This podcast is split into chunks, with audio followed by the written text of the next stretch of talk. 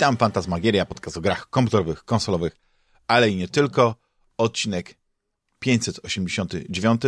Ja nazywam się Damian Paluchaka-Dachman i ze mną jest Rafał Ściński, Akasik. Witaj, Rafale. Cześć, Damian. Dobry wieczór. Dzień dobry, słuchaczki, słuchacze.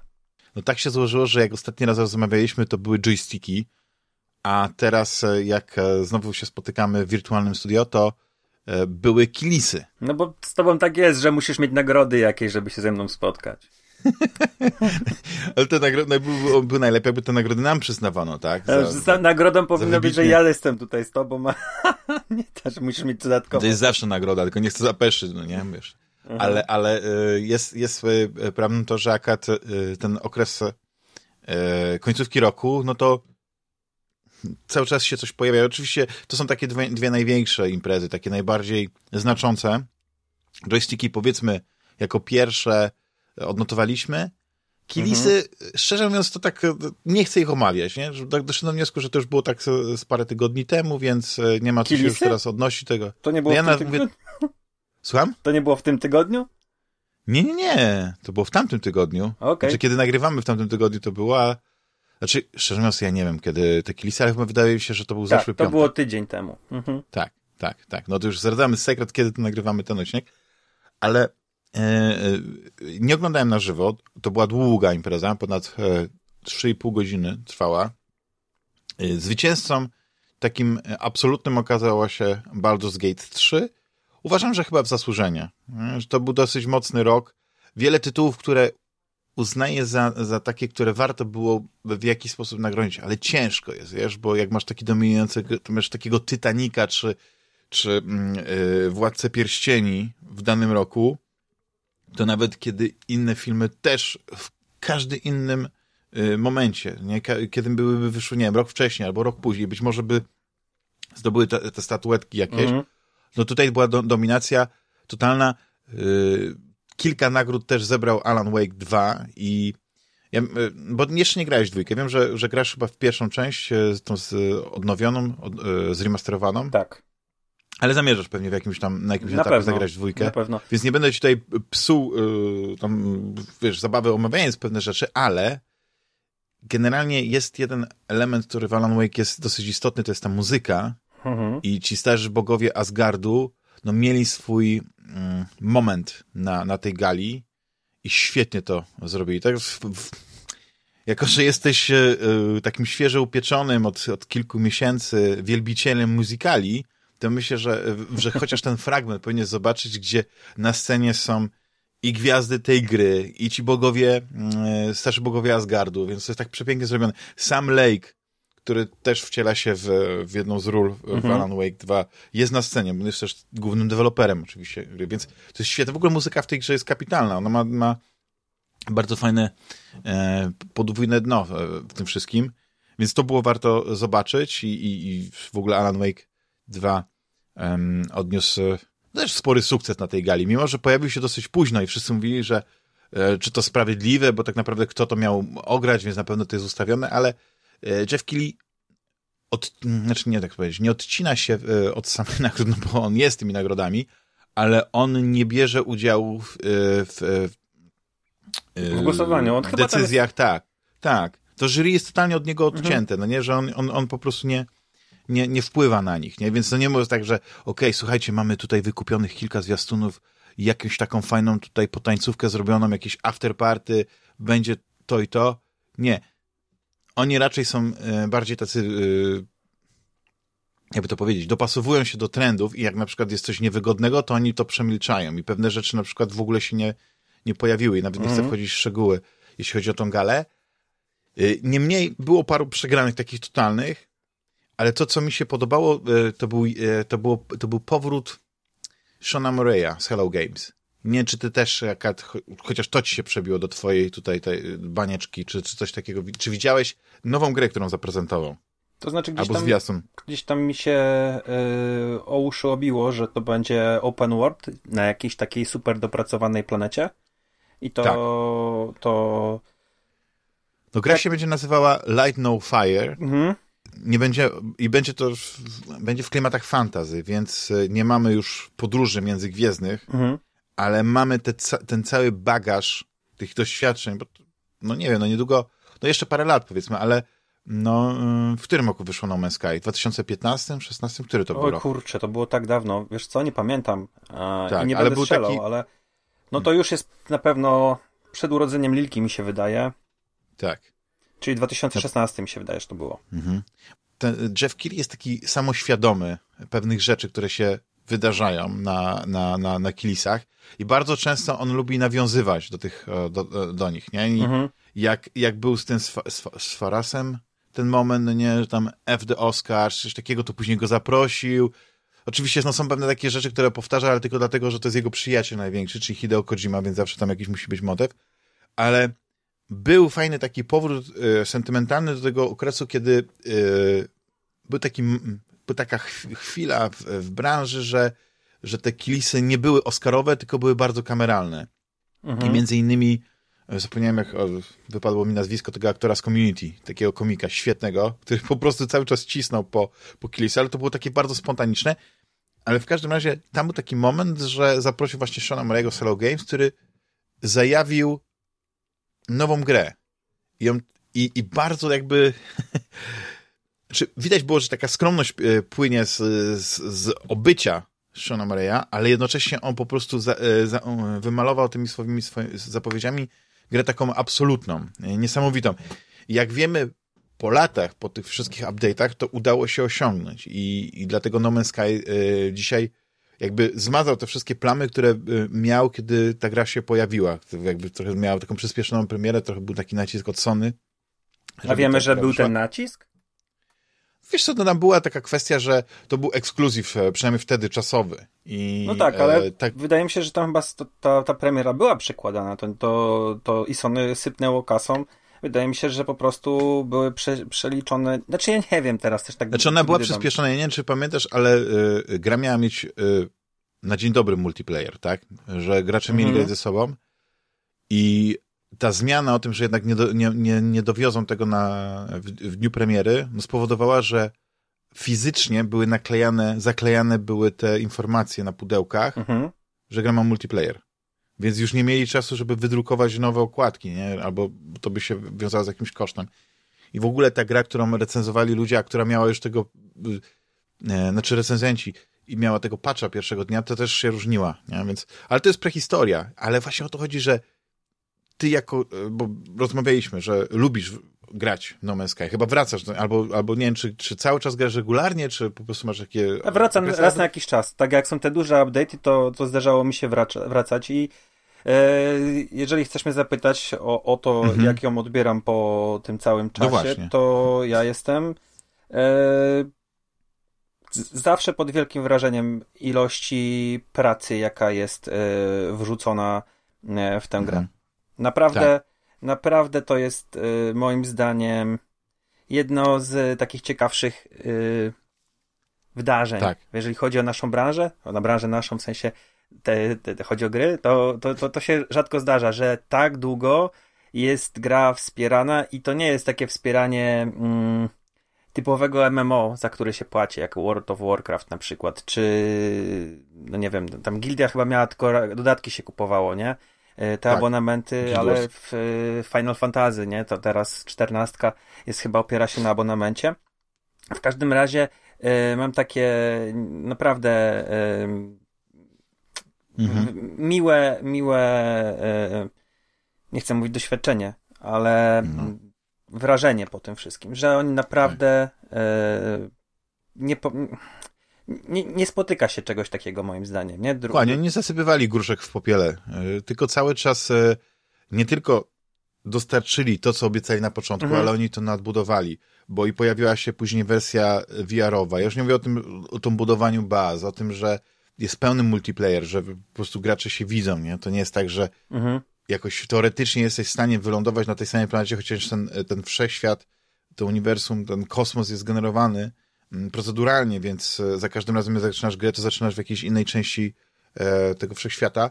Mhm. Więc to wszystko zostało e, dopieszczone. I ja teraz wróciłem nawet po, po tym, jak zobaczyłem to, co prezentują w tej grze Light No Fire, w tej zapowiedzi, to mówię, ach, tu wrócę sobie do, do tego, tylko ja nie jestem wielkim fanem Survivorów i to, że ta gra oferuje ci różne opcje i że jeśli nie lubisz takich bardzo ciężkich, znaczy nie lubisz bardzo wymagających tych gier typu Survivor, to, to możesz sobie to zmienić, tak, że, że, że to budowanie jest prostsze, to zbieranie, zbieranie surowców nie jest tak wymagające, nie, nie musisz tego mieć, ale to wyobraź sobie, że ta nowa gra to tak naprawdę jest e, przejście z, z, tych światów e, kosmicznych, no nie, z tych planet, do jednej wielkiej Ziemi, bo mówi się o planecie wielkości Ziemi, gdzie no nie ma statków kosmicznych, ale masz jakieś stwory latające, jakieś mm, no nie Jakieś fantazy, tak? Rozumiem. Tak, więc to jest totalnie e, przejście z science fiction do fantazy.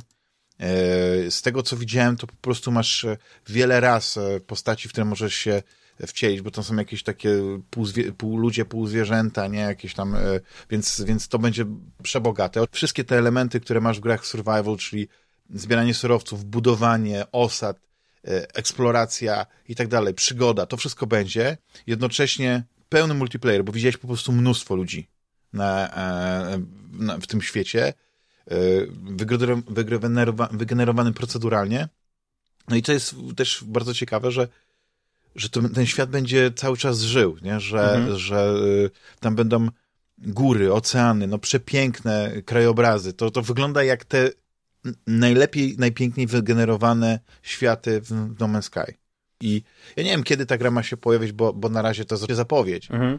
ale naprawdę w, y, wszystko wygląda fantastycznie no jak po prostu No Man's Sky, tylko fantazy, ale podkręcony jeszcze tak razy 10. I nie wiem, ile tam będzie na przykład samej takiej fabuły, wiesz, jak, bo, bo to będzie świat e, jednak, w którym e, my prawdopodobnie będziemy sami sobie tworzyli e, rozgrywkę, nie? Jak to w, więc będzie, to, zapomniałem jak się nazywa, takie ładne słowo, które to określa, ale to chyba było takie największe, moim zdaniem, zaskoczenie, bo ja się nie spodziewałem nowego tytułu od Hello Games, bo wiem, że oni coś tam robili jeszcze innego na boku, ale ale, ale to jest taki tytuł, który po prostu jest twórczym rozwinięciem e, tego wszystkiego, co oni się już nauczyli przez te lata i myślę, że to będzie no, to będzie, to będzie jeśli, jeśli to wyjdzie, jeśli tam jeszcze coś będzie poza tym, e, tym fantastycznym światem, że jakby mhm. oni wplotą jakąś fabułę, wplotą w ten świat e, coś więcej niż tylko tą cudowną eksplorację i, i ten multiplayer, to,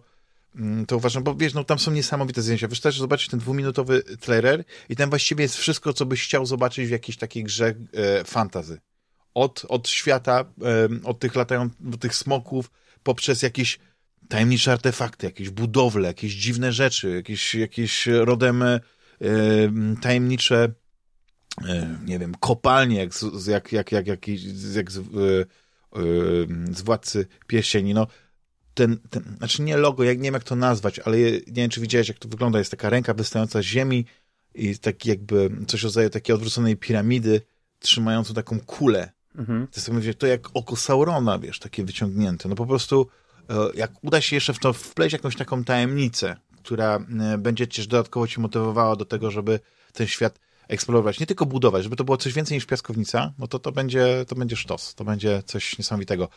I wiesz, skoncentrowałem się trochę na tym tytule, dlatego, że wszystko inne, co było pokazane, to oczywiście były fajne rzeczy, ale e, wiele było bardzo podobnych do siebie, wiesz, kolejne takie gry, które wyglądały jak e, jak, nie wiem, kolejna iteracja Persony albo Code Vein, nie, czyli jakieś takie e, japońskie RPG, ale akcji, z, z, piękną grafiką, albo gry typu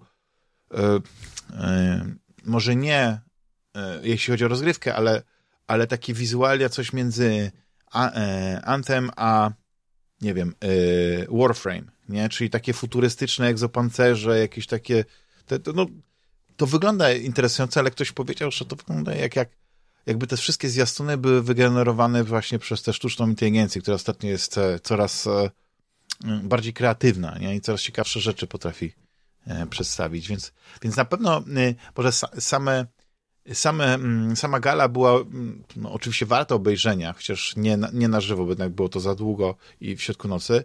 To parę tytułów, parę zwiastunów warto było jednak e, później jeszcze nawet na spokojnie jeszcze raz zobaczyć i ja wam mm, po prostu polecam znaleźć sobie jakieś takie e, podsumowanie tego, co zapowiedziano i przede wszystkim właśnie e, Light No Fire. Mhm. to, to, to, to tak chciałem otworzyć. I to już zamykamy w, te, w takim razie e, galę kilisów. Zastanawiałem się w ogóle o co cię zapytać na początku. Czy o bardziej sprawy popkulturalne, czy może w co ostatnio grałeś? Bo e, teraz jak nagrywamy, premierę miała e, premierę miały trzy pierwsze odcinki nowego Jacka Richera serialu. Tak, jestem po pierwszym. Ja sobie tam doczytałem, bo byłem ciekawy, e, jak, jak bardzo wiernie tym razem właśnie zekranizowali Elitę Zabójców, bo to jest chyba jedenasta powieść. Tak, Elita Zabójców serii. jest ekranizowana. Bad Luck and Trouble. Mm, nie umiem ci powiedzieć, jak bardzo wiernie, bo ja tę książkę czytałem no przynajmniej 10 lat temu. E, mhm. E, I wydaje mi się, że e, duch jest zachowany. Mm, tam Richard E, spotyka się z osobami, z którymi tworzy tą swoją jednostkę specjalną, śledczą i mhm. Zawiązanie akcji jest e, bardzo podobne. Jest wyrzucony, wyrzucona postać z helikoptera. Tak. E... Mi się wydaje, że ten pierwszy odcinek jest, jest bardzo wierny. No, tego, e, cię, cię, ciężko mi powiedzieć, jak jest e, dalej, nie? Ale właśnie ten, ten, takie samo zawiązanie akcji. Richard dostaje e, dziwny, dziwny przelew, kontaktuje się z Nigli E, I ona mówi mu, że jeden właśnie z ich kompanów został zamordowany. Richard przyjeżdża do Nowego Jorku i no co, no i tak, zaczyna no i tak Zaczyna, i to, zaczyna... To, ciężko tak. mi po tym, po tym jednym odcinku mówić, czy to jest wierne. Wydaje mi się, że tak, tak samo tam było. Wiesz, może jakieś takie nie, drobiazgi... Ja, ja, ja, mhm, ja, się, ja tutaj przyznam się, żeby nie było tak, że ja po prostu mam doskonałą pamięć. Ja po prostu sobie tak e, przeczytałem zarys fabuły właśnie e, tej, tej, tej książki, żeby sobie odświeżyć i, i faktycznie, no wiesz, nie chciałem sobie spoilować, więc to nie było tak, że przeczytałem cały opis, yy, mówię, o, co to było, tylko do, przynajmniej do pewnego momentu na 100% jest, jest tak, że, yy, że mm, musieli w jakimś tam stopniu ją, ją yy, zmienić, ale nie na tyle, żebyś miał wrażenie, że że pojechali, włas, wiesz, licencja poetyka, że to jest jakiś taki motyw, że niby w tytule jest Richard, tak naprawdę to jest zupełnie coś, coś innego, nie? To, mi się udało, szczególnie, że yy, ja pamiętam, że yy, tobie bardzo się podobały te, te historie z, tymi, z, tą, z tą Special Investigation Unit, czy jakoś tak... E, Pewnie. I, I tutaj są te flashbacki, pokazują właśnie, jak oni budowali tą relację, wiesz, jak oni się zgrali mhm. i mi się bardzo to, to, to, to podoba. Oczywiście jest jakieś takie uproszczenie, nie? że tam, tam e, w tym wszystkim no musieli to pewne rzeczy skrócić, nie, nie pamiętam jak to było przedstawione w książce, ale kurczę, jak się, ja się cieszę, że, że jest taki e, nowoczesny serial, ale w, klimat, w klimacie tych, tych e, seriali lat 80., 90., że masz e, tego takiego gościa, który jest takim nomadem, który chodzi i mimo, że on tak naprawdę nie chce się angażować w nic, nie? On, by tak, on chciałby sobie spokojnie przez to życie iść, on nigdy nie może przejść obojętnie wo wobec e, jakiś, jakiegoś niesprawiedliwości, która się wokół niego dzieje, mhm. a jak już dotyczy jego najbliższych, no to nie ma zmiłuj się. I to jest, to jest kapitalne. I właśnie się cieszę, no oczywiście teraz dopiero tylko trzy odcinki się pojawiły, więc to jest, e, to jest dopiero początek tej historii, ale yy, yy, przyznam się, że nawet się bardziej wciągnąłem niż, yy, niż ten najnowszy sezon Boscha, czy, czy Bosch Legacy, nie? kiedy i, i, i to też... A już obejrzałeś te trzy odcinki? Obejrzałem dwa. Okej. Okay. Dwa. Dwa. I, i, i, I co, w drugim jest kasyna są, czy, czy coś innego? E, nie, znaczy w drugim to jest tak, że właśnie już się pojawią kolejne te postacie z jego, z jego przeszłości, tak? Chyba się O'Donnelly, nie pamiętam, czy dobrze mm -hmm. nazwiska. Pojawia się Dixon. Tylko nie pamiętam, mm -hmm. czy mhm. Dixon była w, w, książce, nie? Bo, bo Na pewno tak... była. Tak. Na pewno była. Mhm. Więc, y, więc y, zaczyna się coś dziać. No i pojawia się y, gdzieś tam, ja to powiem w cudzysłowie, ale nie powiem kto i tak dalej, ale pojawia się jakiś taki właśnie człowiek, który wygląda na to, że za tym stoi. Mhm. I, I, ja bardzo lubię tego aktora i, i jestem bardzo ciekawy, jak to Ale tam się... był wątek, bo, bo dwóch, dwóch z tego oddziału specjalnego pracowało, o ile dobrze pamiętam, mieli, mieli własną firmę i pracowali w E, powyczekaj, oni pracowali w, w, w, przy kasynach. Mhm. Znaczy, y, tutaj mogło być to zmienione, ale właśnie jeszcze do, do tego kasyna nie, nie, nie doszedłem. Może właśnie ten, bo powiedzmy, no tak, e, kiedy mówię, że y, jest, jestem po dwóch odcinkach, trochę mi zostało tego drugiego, nie? Bo Aha. to rzeczy ważne, no. ważniejsze. Oglądałem, y, tak przyznam się, że y, tak przed nagraniem, bo dzisiaj, po prostu dzisiaj wyszedł ten, ten odcinek, tak samo jak dzisiaj wyszedł Artefakt Przeznaczenia, czyli piąty film z Indianą Jonesem i co jest o tyle sympatyczne, ja tylko o tym wspomnę z jednego powodu. Jest pełny polski dubbing. Przynajmniej jak sprawdzają, to, to wyglądało na to, że jest bo poprzednie filmy, które są w Disneyu, yy, mają tylko wersję angielską, nie? Z napisami. Więc, A to musisz z dubbingiem? Znaczy, wiesz co, chcę... To tak ci się przyznam, że ja akurat byłem z dzieciakami w kinie normalnie, Aha, na, na, na no wersji angielskiej, ale chciałem po prostu z dubbingiem obejrzeć, bo ja szukam takich filmów, które chcę jeszcze raz z nimi obejrzeć, żeby no jednak ten język polski nie był takim mhm. dominującym, nie? To jest, to jest taka rzecz, którą którą e, to polecam wszystkim rodzicom, którzy, którzy mają ten, ten taki, e, które mają dwujęzyczne dzieci, żeby na przykład nie, nie starały się e, robić tak, że skoro w szkole, na zewnątrz i tak dalej jest na przykład jest, jest język obcy, tak, angielski, to w domu też musisz po angielsku, no bo jednak dziecko musi mieć ten dominujący język. Nie, nie, nie, nie. No w ogóle najlepiej to by było jakby, jakby rodzice były jeszcze z dwóch innych grup językowych, żeby to dziecko miało bombardowane różnymi językami, bo, bo dzieci chłoną. I później ten, e, po, po, czasie to wiesz, to jest, e, one, one nadrobią pewne rzeczy, które e, mogą mieć, nie wiem, które, które mogą się wydawać, że powiedzmy dziecko jak, na jakimś etapie może mówić w jednym języku mniej gramatycznie, ale to się wszystko, wiesz, wyrównuje. Trzeba po prostu o to dbać, nie? Żeby ten, żeby każdy język był, był naturalny, nie? z którym dziecko mhm. ma taki naturalny, znaczy, no, naturalnie naturalny kontakt. Fantasmagieria bawi i uczy, jak Dokładnie, zawsze. tak. Parenting. Tak. E, Chociaż mój parenting nie jest tak dobry jak twój, jeśli chodzi na przykład o, o, o granie, bo ja jestem taki, że ja e, te, te gry, chociaż e, powiem ci, że ostatnio starałem się wybierać takie gry, które, które dzieci nie będą zniechęcać i znalazłem po prostu sekret w tych chodzonych bijatykach, w starych grach z lat 90., 80., z automatów, które przez to, że mają ten mechanizm wrzuć kolejną monetę, Mhm. Czyli masz po prostu nie, niekończącą się kontynuację i dziecko się nie frustruje, że coś nie wychodzi. Możesz zostawić, wytłumaczyć, jak się kontynuuje grę i nawet jeśli postać y, padnie pod ciosem y, jakiegoś takiego potężnego bossa, to zaraz może wskoczyć do gry i, i jest, jest super. No ale to może kiedyś będzie taka okazja, no żeby znowu wrócić do tego tematu z, y, rodziców grających dzieci. No ja powiem w ten sposób, nie, że e, ostatnio Liliana w, już ma adaptacyjne triggery na, na swoim padzie ustawione, że już nie, już dają opór, nie? Bo już mhm. na ten moment, no to dwa lata temu kupowałem jej e, pada, tego takiego Hori Mini, żeby mogła e, grać, uczyła się, natomiast w tym momencie już w pełni jest e, obsługuje dual, dual sensa i radzi sobie doskonale. W każdej grze 3D, no ma 6 lat skończonych, nie? Hmm. Mm. Dla niej naturalnym jest używanie w ogóle tabletu.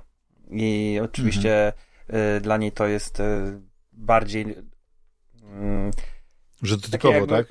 Tak, dotykowo. Dla niej, dla, niej to jest, to, to, dla niej to jest takie oczywiste, nie? I ona nawet czasami pyta, że hmm, a nie można by było na telewizorze zrobić takiej gry, żebym sobie stała i przesuwała palcem? Ja mówię, że nie, no, że mówię, to, to, to jeszcze nie, nie te czasy, mhm. ale mówię, pewnie kiedyś będzie, na przykład tam Surface będzie takie, takie będziemy mieli jakiś tam stół i sobie będziemy mogli rzeczywiście tak używać, ale mówię, to jeszcze nie, nie są takie komercyjne, tanie rzeczy, ale dla niej dotyk jest intuicyjny i w ogóle ona patrzy czasami na laptopa, który tam wyjmuje na przykład do płacenia rachunków albo do robienia przelewu na Allegro, bo Allegro obsługuje też e, nie zapki, tylko z laptopa cały czas i tam wyszukuje. I ona patrzy na tą klawiaturę i ona nie czai w ogóle.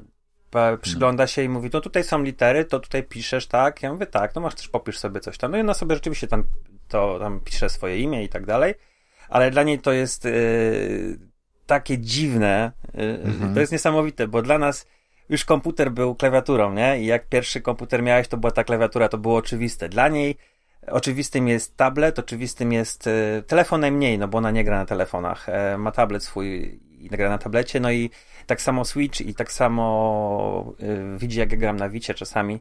I konsole są dla niej oczywiste. Natomiast w ogóle komputer to jest dla niej takie, taka, takie, takie coś, co, co jest dosyć orientalne. Może mhm. no, tak, to jest dobre chyba słowo. E... Znaczy, ta dominacja w ogóle tego, że y, tablet zastępuje ci komputer w tak wielu aspektach. No ja kupiłem że... drugiego iPada, nie?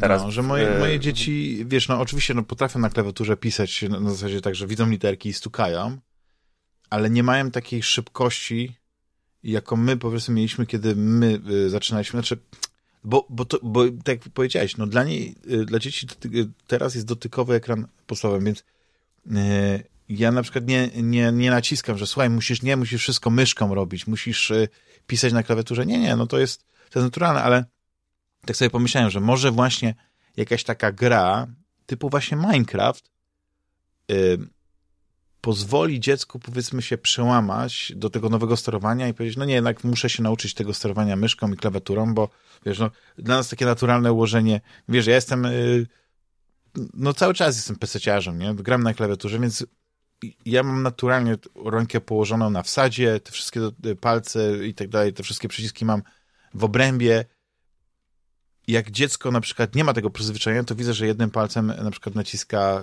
tu, żeby iść, a drugim sobie z drugiej ręki pomaga, żeby na przykład skoczyć, więc puszcza myszkę, żeby ten, a to jest tylko tak, mówię, tak na początku, nie? I bijesz Bo... linijką wtedy. Co ty robisz? Tak, dokładnie, nie. Koniec z tym padem. Od dzisiaj nie będziemy grali na padzie, bo ten pad was zepsuł i to, to, to dotykowe.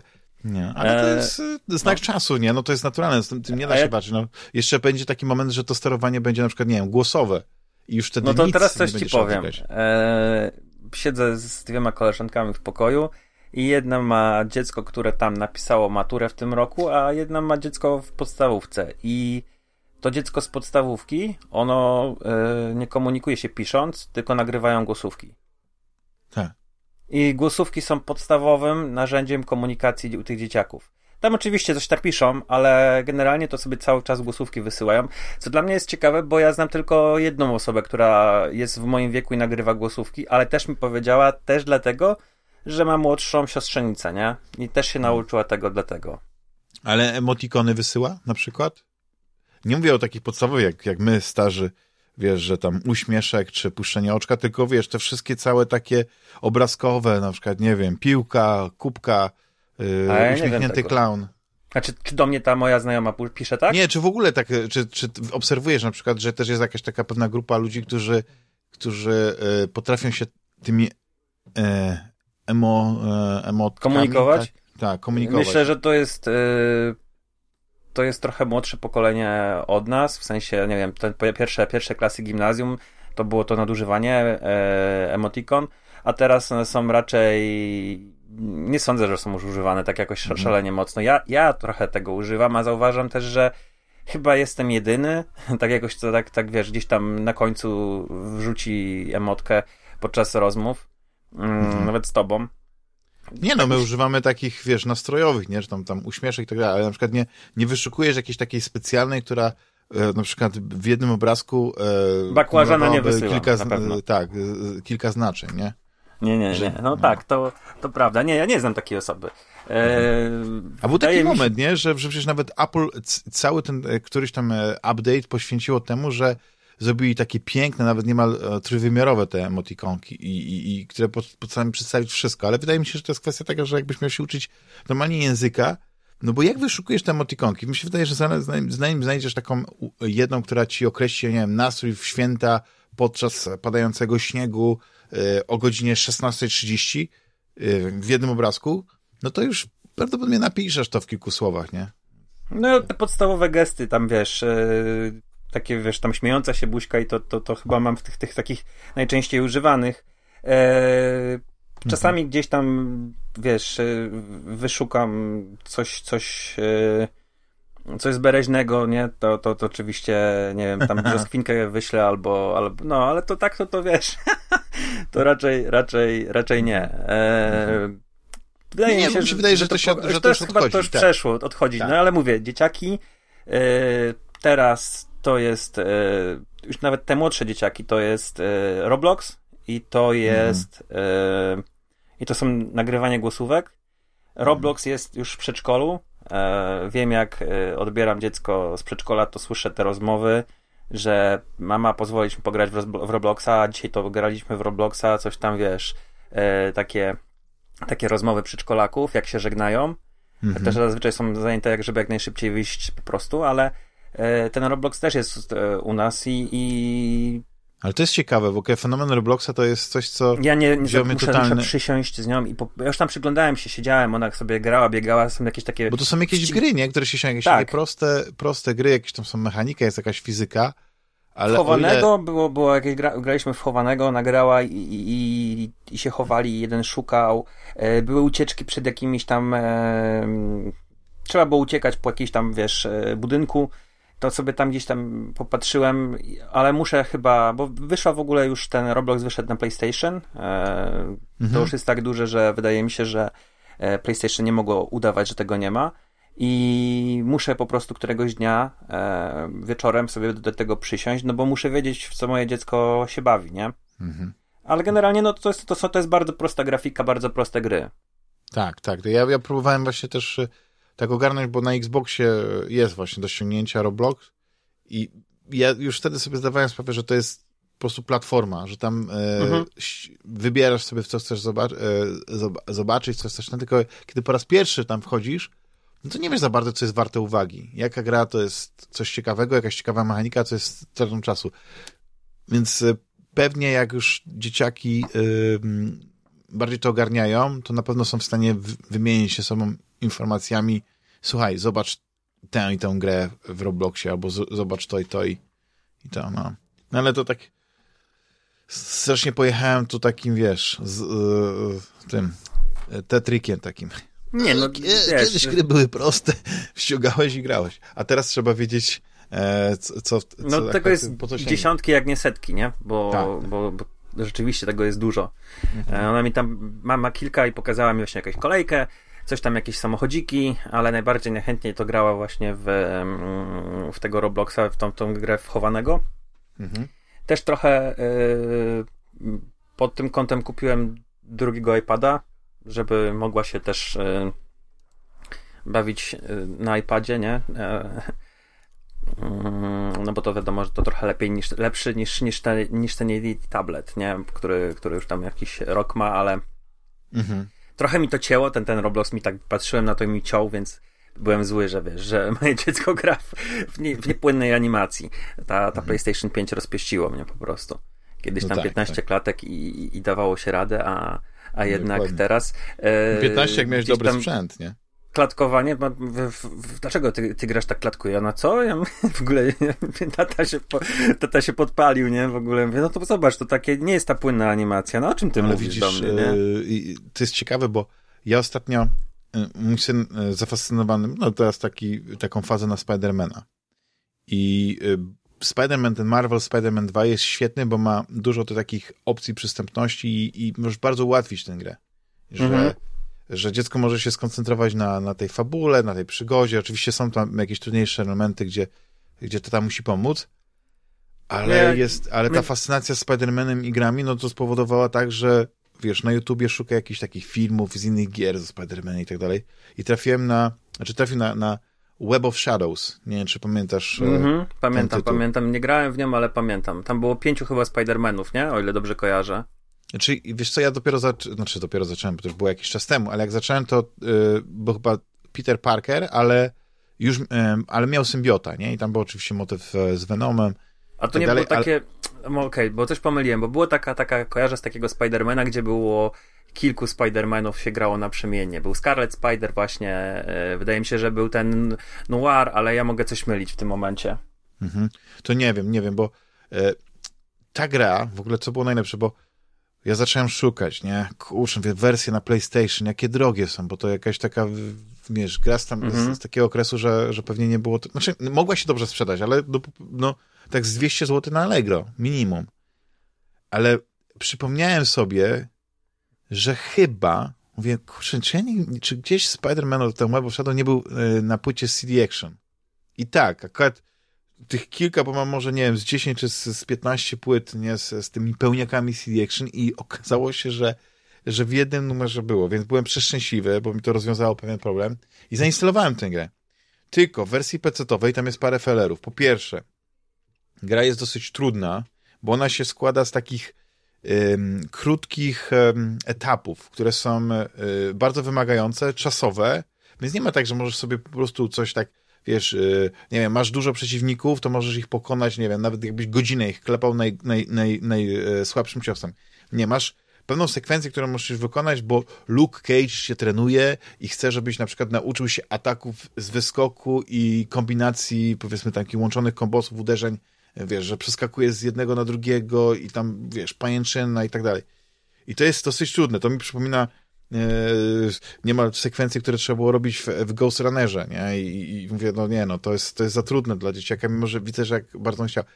No ale takie trudniejsze etapy, powiedzmy, e, przeszedłem i doszedłem do, do takiego jednego, znaczy doszliśmy, no nie? Bardziej on, gdzie musisz ochronić e, stację paliw, nie? I takie e, gangsterzy w takich limuzynach jeżdżą dookoła e, i po prostu musisz tych pięć samochodów rozwalić i wskoczyć na nie, wiesz, rozwalić, mhm. tam kopnąć, przewrócić i tak dalej. I w wersji PC-owej e, jakiś feller jest, bug, że ten czas po prostu szybciej upływa. No gra jest za płynna i ten, i ten czas, który normalnie starczyłby ci na to, że oni tam ze, ze cztery razy okrążą całą tą, tą wysepkę, nie? Całe, przejadą tą ten, ten, ten blok, nie, tą, tą przecznicę, mhm. to tutaj właściwie przyjadą raz i jest koniec czasu. I tak dalej. Ja zacząłem po prostu szukać jakichś e, ułatwień. Musiałem zainstalować sobie te, te sterowniki NVIDIA, które pozwalają ci nadpisać pewne ustawienia graficzne e, gry i zmniejszyć klatkarz do 30. Nie, bo, Rozumiem. bo inaczej się nie dało tego, tego przejść. No i w końcu przeszliśmy. W międzyczasie, co było ciekawe, Mówię, no nie wiem, no to może ściągnę y, obraz gry na PlayStation 3 i odpalę przez emulator, żeby zobaczyć, jak to będzie wyglądało. Ale niestety na moim sprzęcie ta gra chrupała. Ale dzieci, i tu jest właśnie ten, to, to wielkie koło zataczam do tego, że, że dzieci, jak mają po prostu um, zajawkę na coś, je, grają w grę, którą bardzo lubią, to mhm. są w stanie y, nawet ten klatkarz, który nie jest 30, tylko jest 15 i to graficznie wygląda naprawdę słabo, przeboleć bo to jest taki ulubiony bohater. To są te mhm. świetne mhm. akcje, które on robi. Wiesz, że no, no i po prostu y, już rozwiązałem ten problem, wyjdziemy do wersji PC-owej, ale był taki moment, że tak pół godziny albo nawet godzinę grał w tej wersji właśnie z, z, tym takim klatkarzem i no widziałem po prostu to, że po prostu my inaczej postrzegamy to, że dla nas jesteśmy trochę rozpieszczeni coraz y, to, o te kolejne generacje, coraz tych szybszych sprzętów i nawet się śmiałem z tego, że no jak, no gra musi mieć 4K i 60 klatek, nie? No i z, z jednej strony tak, no musi mieć, no bo to jest taka ewolucja, nie? To, jest, to, to cały czas się zmienia. Po to kupujemy te moc, mocniejsze sprzęty, no bo gdyby nie to, no to moglibyśmy spokojnie cieszyć się jeszcze PlayStation 4, bo na, na gry nawet na PlayStation 4, które teraz wychodzą, y, wyglądają ładnie świet... nadal. Dokładnie, ja, tak. Ja powiem tak, y, PlayStation 5 zmieniło to we mnie. Y, ja bardzo mam problem z 30 klatkami. To psuło mnie po prostu. Na przykład Gotham Knights, które było o tyle fajną grą, że miało ciekawą bardzo fabułę. Ja nie jestem w stanie za bardzo jej skończyć. Męczę się, bo to nie jest ta płynność, do której mnie tak ta gra e, zmusza, bo tam jest 30 klatek. E, rozpieściło mnie, wiesz, 60 klatek. I teraz tak, ta gra, o której ja wspominałem, to jest Spider-Man Shattered Dimensions i tam grasz, mhm. no przynajmniej czterema, ale tak e, kojarzę tam chyba jeszcze więcej. To na zasadzie multiversum, tak? E, tak, i ona była też dodawana, jakby ci to interesowało, do CD Action, ale na pewno ona jest z generacji PS3. I, i, i, I właśnie tam grasz na przemiennie różnymi e, wariantami Spidera, właśnie między innymi tym Noir, tym z Venomem, tym z przyszłości, także e, zainteresuj się bo mhm. na pewno jest też na Windowsa, jest y, na, na PlayStation, na Xboxa 360, czyli pewnie wsteczna wchodzi w grę, poszukaj sobie dla syna. Natomiast tak samo, Lilka ma mega fascynację, aczkolwiek y, ona jest jednak dziewczynką, więc ma i też młodszą dziewczynką, więc ma, ma fazę, bo Spidey przyjaciele tam ta kreskówka zaczęła to E, książeczki, jakieś pierwsze komiksy jej tam już podrzucałem i, i, i bardzo lubi. Taki Spider-Man, gdzie jest Wally, e, gdzie są poukrywani różni Spider-Mani. To już też e, dziesiątki razy po prostu no zajechana jest ta książeczka, na pamięć zna. Mhm. No i tak samo gra w jedynkę, jeszcze dwójki nie mam, ale gra w jedynkę i w Moralesa i też bardzo lubi i, i właśnie świetnie sobie radzi, nie? To jest, to jest niesamowite, bo ja... Mm, nie wiem, czy jak ja miałem, znaczy to też ciężko powiedzieć, no bo te nasze gry to były jednak e, bardzo proste i w wieku 6 lat to co ja mogę grać? W Prince of Persia? Nawet chyba jeszcze nie. Eee, nie wiem, w pewnie to nie, było bo, bo mogłeś grać w Riveride może, chyba że... W 91 jeszcze nie miałem Amigi, więc co ja, co ja no. wtedy mogłem grać e, na Atari? No to takie, wiesz... E, Misję, albo Freda, albo Robo. No nie, no wiesz, e, ja mówię o Atari 2800 w tym momencie. 2600. No, czy to, to ja miałem z tym drewnianą tą obudową, czy to tak, mogło tak, być tak, 2600 tak. albo, albo e, dwa, znaczy, nie wykluczone, że miałeś 2800, bo to wiesz, te klony, które powstały, to nie, nie, nie wykluczam, że że mógł Mogło być 2600, no to tam pamiętasz, tam mhm. Spider-Man był taki, co, co się e, tak. tą pajęczynę roz, e, roz, po między budynkami e, rozciągało. No to, to wiesz, to, to tam i granie na, na joysticku, no to, to ja byłem mm, dużo mniej sprawny, nie? Nie dawałem mhm. sobie rady, a jak patrzę to, co ona robi, i sobie przypominam siebie siedzącego przed telewizorem, przed elektronem takim starym e, z joystickiem i to, co ja tam próbowałem zrobić, a to, co ona robi sobie, wiesz, na 60 calach e, na padzie, no to, to, jest, to jest jakiś kosmos, to jest taka przepaść, e, jeżeli chodzi o umiejętności, o, o, o, mhm. o orientację się w, w trójwymiarze, bo, ale to też moim zdaniem to orientację w trójwymiarze to zbudowało jej gry Lego. Tak totalnie, mhm. nie? Bo gry Lego miały albo ustawioną kamerę, albo podążającą za bohaterem. To były takie zmiany dosyć częste, czasami wymuszanie na, na minigrach jakiejś tam innej perspektywy. E, więc ona mm, zaczęła to bardzo szybko łapać. I, tak, tak, tak. I znowu mamy rant cały, cały segment. No ale wiesz, co jest e, zabawne, bo, bo Yy, parentingowy, ale polecam Sky, gry Lego. Skywalker Saga, nie wiem, czy, yy, czy grałeś, albo czy graliście. Jerry mi pożyczył. Jerry mi pożyczył w październiku, jeszcze nie graliśmy. Liliana w ogóle nie jest zainteresowana Gwiezdnymi Wojnami, Aha. wiesz?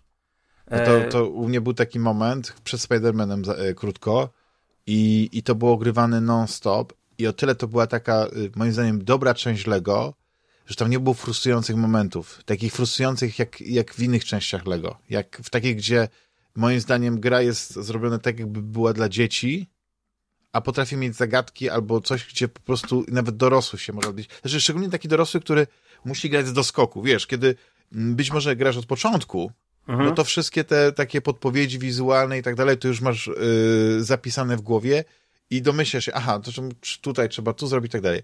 Ale kiedy jesteś tata, przejdź mi to, bo tutaj nie mogę. To wiesz, kurczę, co, co trzeba zrobić? I zaczynasz, wiesz, walić głową w mur i ja miałem tak i z Lego Batmanami, e, z Harry Potterem też, nie? Był taki moment. Chociaż Harry Potter nie był taki trudny, nie? Ale tam trzeba też po prostu e, trochę, trochę wiedzieć, co się dzieje, nie? Bo były takie momenty. A Skywalker Saga był takim, taką grą, że naprawdę można e, było zostawić dziecku i, i ono sobie te epizody odpalało, przechodziło, one nie były za długie, tam było tych epizodów chyba chyba dziewięć, nie? Bo to jest chyba od początku, nie? Wiesz, tak, e, tak, tak, tak, tak. Więc, więc super sprawa.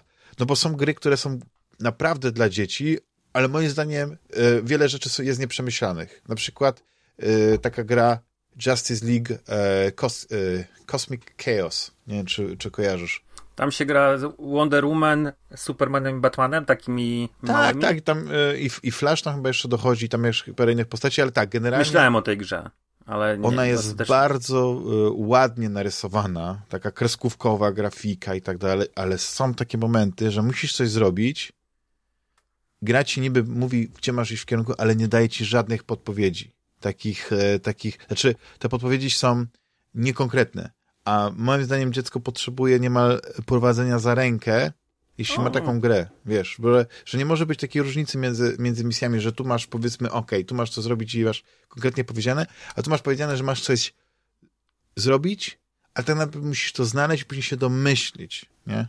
I, mhm. I wydaje mi się, że po prostu ta gra jest, jest tak zrobiona, że wygląda jakby mia, mogły w nią grać pięciolatki, nie? Cztery, czterolatki, a czasami i dla dwunastolatka albo ponad 40-latka może być e, e, zagwozdka, nie? Co dalej trzeba zrobić, nie? To jest, to Tylko, że wiesz, znowu mm, taki przeskok jest. Na przykład e, był, był szał na Psi Patrol i gry z Psiego mhm. Patrolu, no to to są strasznie prymitywne, nie? E, tak. Gdzie wyzwanie właściwie to jest tylko skakanie, nie? I, i zbieranie monetek. I to jest bardzo, czy tam nie monetek akurat w tym wypadku, tylko w przypadku psiego patrolu są to herbatniki. I mhm. w tym wypadku yy, to, to, to, to, to jest trochę tak, jak nie będę używał brzydkiego słowa, ale jak patrzę na dziecko, to widzę to na jej twarzy, nie? To jest takie... Yy, takie, Ta, takie to taka, naprawdę taka gra dla dzieci, żenujące. no, no nie, jest, jest, wiesz, jest, no, no niby te postacie lubi, ale wiesz, my już tam próbowaliśmy w tamtym okresie innych rzeczy, no symulator pszczoły, yy, mhm. który był super, yy, właśnie Lego, już, już Spider wtedy wszedł, nie? I wiesz, Psi Patrol, tak, tata, zainstaluj, super, nie? I, I, gra, i niby, wiesz, widzę, nie? Że ten moment, że o, Sky, moja ulubiona Sky, nie? A, a tam tylko lata i zbiera kosteczki i, i wiesz, i widzę to na, na jej twarzy takie... Eh, nie powiem wkurzenie, ale tak. taki, takie, takie totalne rozczarowanie, a jednak jest, wiesz, ta miłość do tej, do tej, do tej tak jak mówiliśmy, te, te 15 klatek wystarczą, jak kochasz Spidermana. Mm -hmm to tutaj, wiesz, męczyła się. Ja widziałem to po jej twarzy, nie? Że tutaj nawet tak. jak najszybciej skończyć po prostu i, i, i zapomnieć. No. Ale drogi Rafale, bo y, kiedy, kiedy nie jesteś najlepszym tatą na świecie, to też grasz w gry y, takie, dla dorosłych. No. Tych, dla dorosłych, tak. na, na Wicie pod Pierzyną na przykład, ale y, w co ostatnio grałeś? Y, czy, czy był jakiś taki tytuł, który cię ostatnio wciągnął? Update. Skończyłem to The Wild at Heart taki mhm. powiedzmy klon Pikimina. Bardzo w porządku gra, yy, z jakimś tam przesłaniem, ale też yy, raczej, raczej właśnie na odprężenie wieczorami. Bawię się bardzo dobrze w Death's Door. Yy, fajna gra, która trochę, nie wiem czy, czy grałeś, słuchacze pewnie znają ten tytuł, bo to mhm. był chyba zeszłoroczny, bardzo głośny banger na Xboxa, później na PlayStation. Teraz ostatnio się pojawił w Netflixie. Um, także można sobie po, ogrywać go na, na urządzeniach przenośnych, za, przy, jeżeli się ma abonament, to za darmo.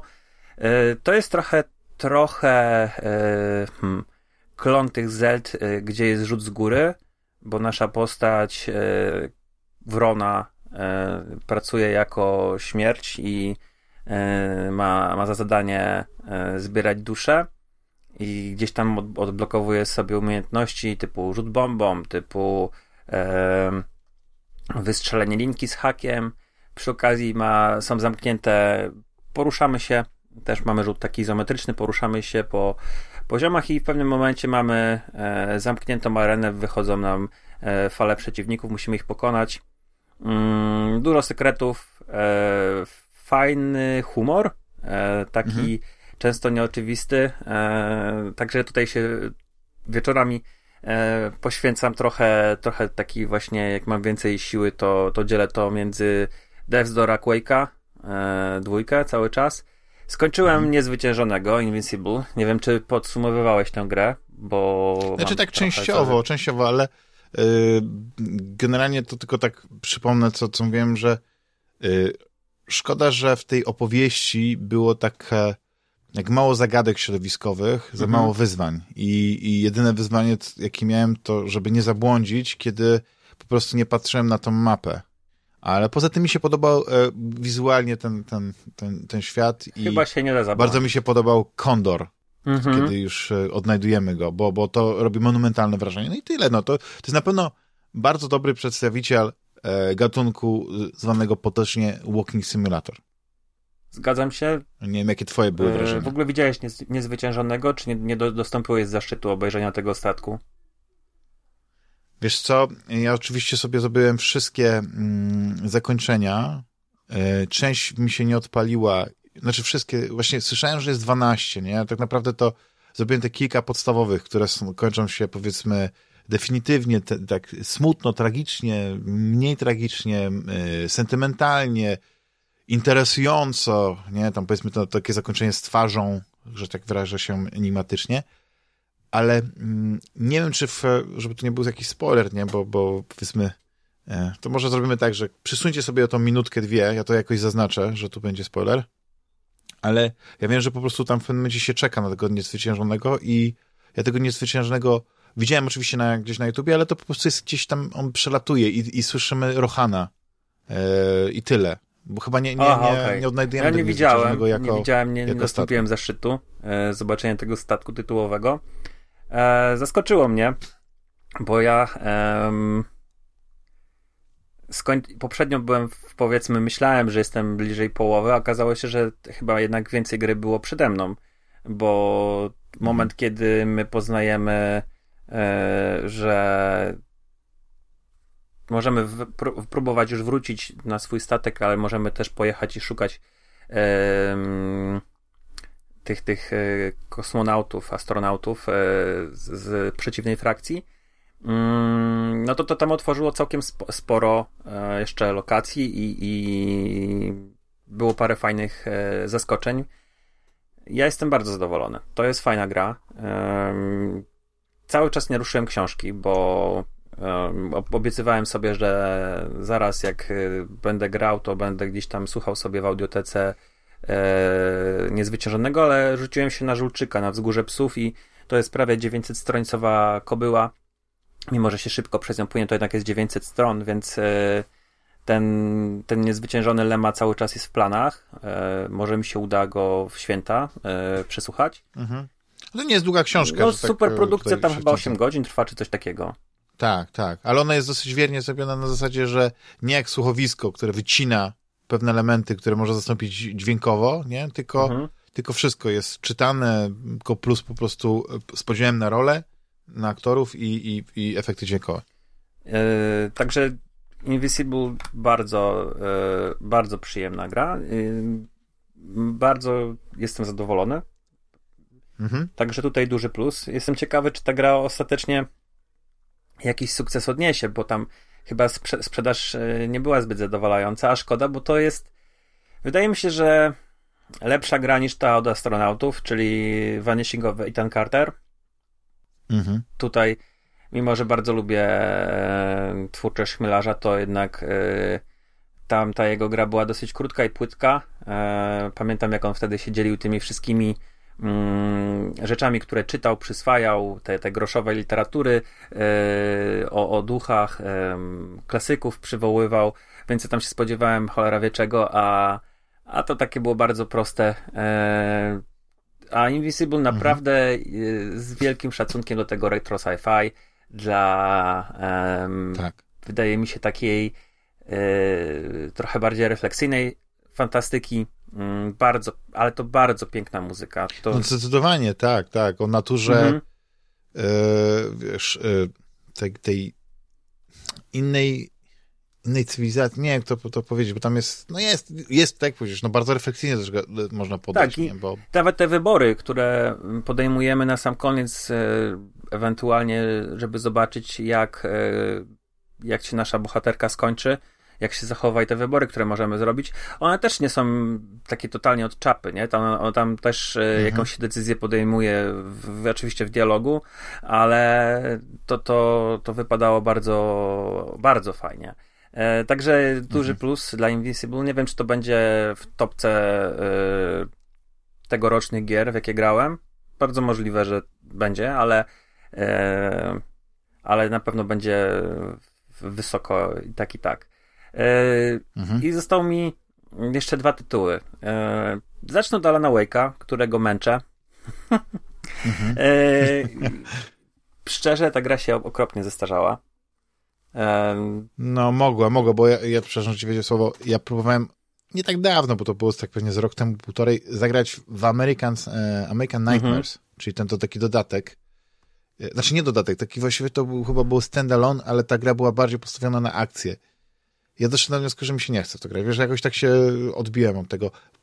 Jeszcze jedynka miała tą atmosferę, wiesz, ten, ten, ten Twin Peaks. Nie Ale właśnie tej atmosfery świata. praktycznie nie ma. Ja jestem, e, nie pamiętam, w trzecim rozdziale i ten, mhm. ta atmosfera tego Twin Peaks, takiego dziwnego e, miasteczka, ona jest naprawdę tylko na początku. Później się włóczymy po tych lasach, e, kopalniach, e, mm, mhm. jakichś tam tych górskich e, szlakach, e, hotelach i, i tego nie ma. Mamy bardzo słaby, jeżeli ten, ten system strzelania i, i, i pokonywania wrogów, e, jakiś odczapy segment w ogóle z samochodem, którym rozjeżdżamy tych takich dziwnych swoich przeciwników.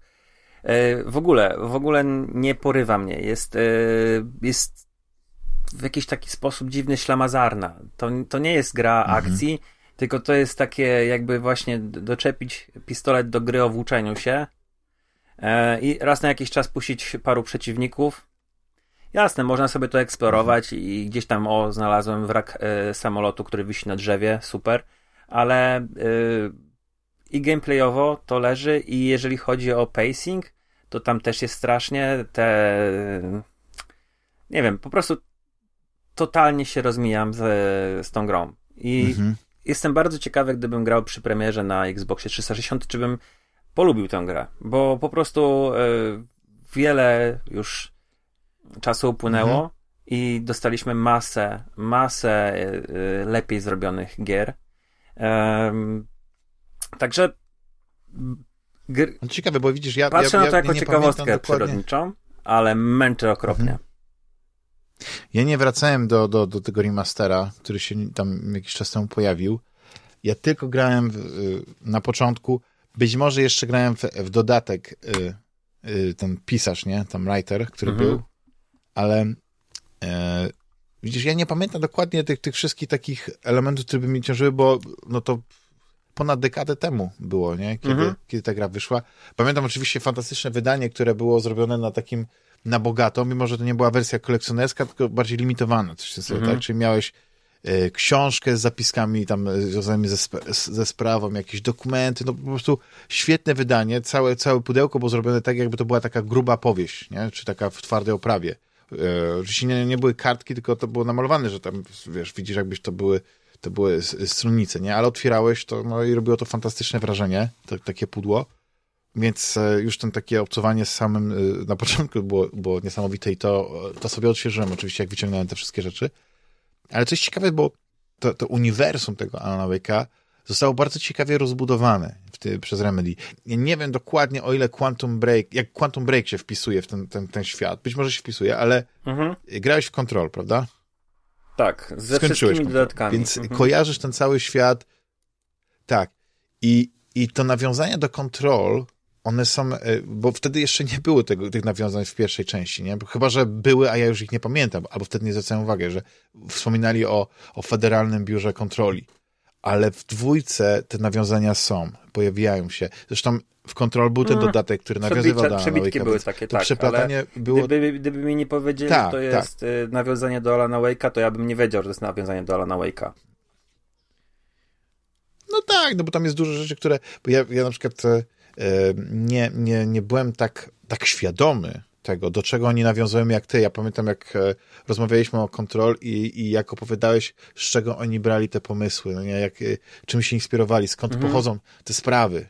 E, I, i, to, I to było dla mnie fascynujące, no bo to faktycznie no, powodowało, że ta gra miała takie drugie ciekawe dno, że to nie był tylko taki paranormalny akcyjniak ze świetnie ze świetną walką, tym, z tymi mocami, nie? z ciekawą bohaterką, bo, bo na przykład zakończenie kontrol mnie na przykład rozczarowało. Jakby nie, nie czułem takiego uderzenia.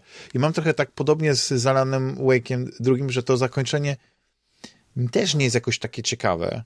Trochę się dałem y, zbić z, z, z, z tutaj... Z, z tego, z nie, jak to powiedzieć, może nie, ale tak, że chodzi mi o to, że y, to chyba nawet nie jest dobre określenie, ale chodzi o to, że y, jak, jak e, e, Ryszard, z nim rozmawiałem o tym, powiedział, że w innym, w innym podcaście, w innym recenzji usłyszał, że ktoś powiedział, że to taki straszny bełkot jest, to mi to zdanie tak utknęło, że strasznie zastanawiam się myśleć, czy to jest bełkot, to co widzę, czy nie, dlatego, że ta gra, druga część, jest, jest dużo ciekawiej zrobiona pod względem fabularnym. No, przede wszystkim masz dwie główne postacie, które mają dwie, e, dwie historie, które się przeplatają.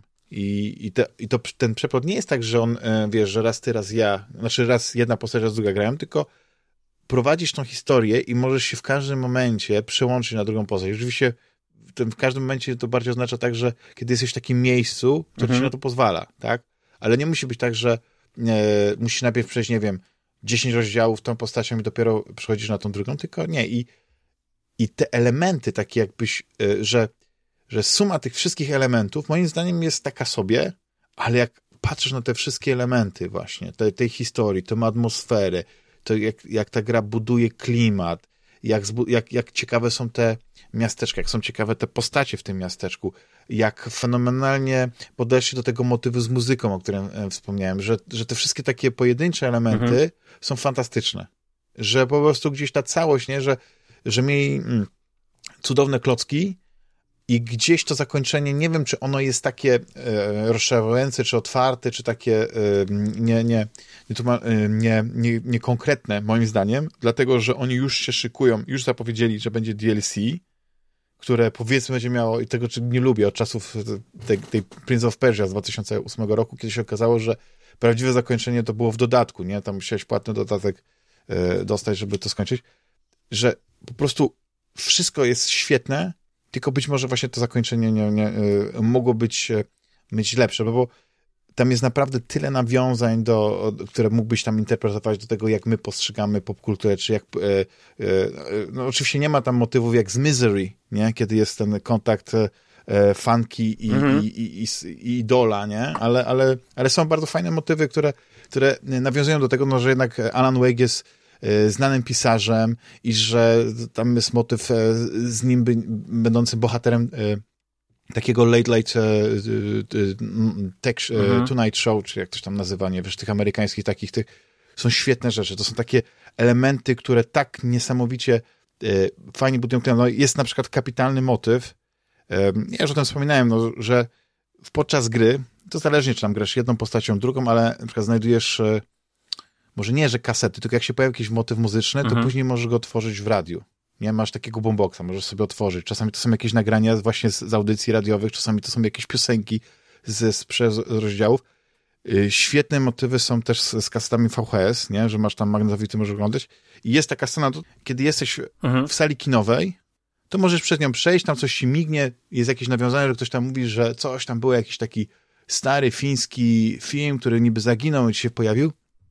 Jak zostaniesz, to mhm. on po prostu zaczyna lecieć, nie? I możesz go obejrzeć. Ja później myślałem, że on się po prostu skończył, ale po jakimś czasie, nie, zajrzałem do, do tego, do tego, mm, jak to, mhm. jak to się nazywa, pokój pisarza to jest, tak? To jest taka sfera, że się przenosisz po prostu z gry, no nie? Możesz się przejść, gdzie masz e, mapę, wskazówki, no, te, te sceny pokazane, bo też jest e, świetny e, motyw, no bo tego w pierwszej części nie było, że możesz jako pisarz wpłynąć na scenę. O. Że pojawiasz się na przykład, nie wiem, niech to będzie, oczywiście to jest e, w jakiś sposób parafraza tego, co się dzieje, nie? Ale pojawiasz się w, w hotelu, w lobby i na początku tam wchodzisz, to tak nie ma żadnej inspiracji, ale później pojawia ci się coś, nie, tak, o, i on mówi, o, jestem zainspirowany, tu mogłaby powstać taka, mhm. taka scena, nie?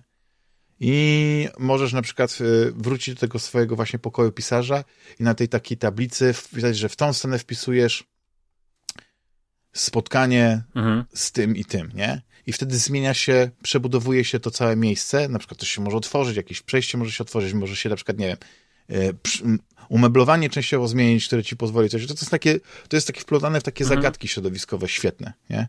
I, i no, ale w każdym razie wracając do tego pokoju, to tam na tym magnetowicie patrzę, no nie, nagle się pojawiają chyba osiem części tego filmu, nie? I możesz sobie obejrzeć taki, taki coś na pograniczu takiego mhm. snuff mhm. e, movies, no nie wiesz, e, e, amatorskiego. Oczywiście gra tam Sam Lake Oczywiście. w tym filmie, więc to jest, to, tam jest no to jest tak nawiązanie.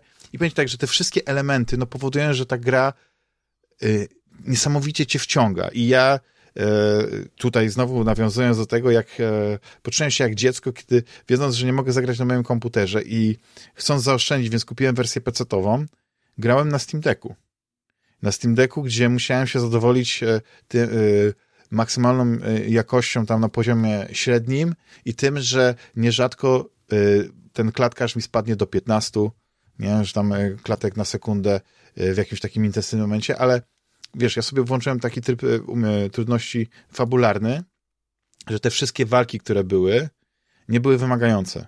Czyli wiesz, no tam skupione światło latarki, wypalenie, parę strzałów i po kłopocie.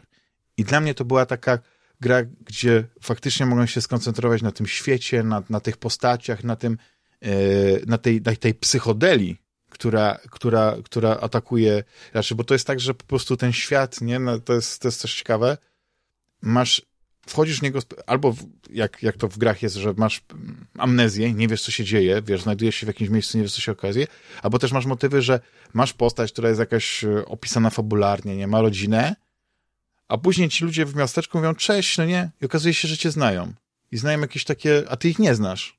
I, i to jest tak fajnie wplątane, to jest tak fajnie poprowadzone i, i przyznam, że narracyjnie to jest coś ciekawego, to jest coś nowego i ja już nie pamiętam, ale chyba dostała za najlepszą narrację mhm. E, Alan Wake, nie? Dwa e, nagrodę, więc to jest, to jest super i to się naprawdę, znaczy naprawdę zasłużenie. No ta jedynka ma tutaj elementy, takie właśnie, które później nie rozwijali na pewno w Control i to jest bardzo fajna strefa mroku, która leci w telewizji. E, są audycje radiowe, które są nagrywane przez mieszkańców i tam można sobie trochę więcej z tych audycji y, wywnioskować o tej całej, o tej całym miasteczku, o tej całej miejscowości i społeczności.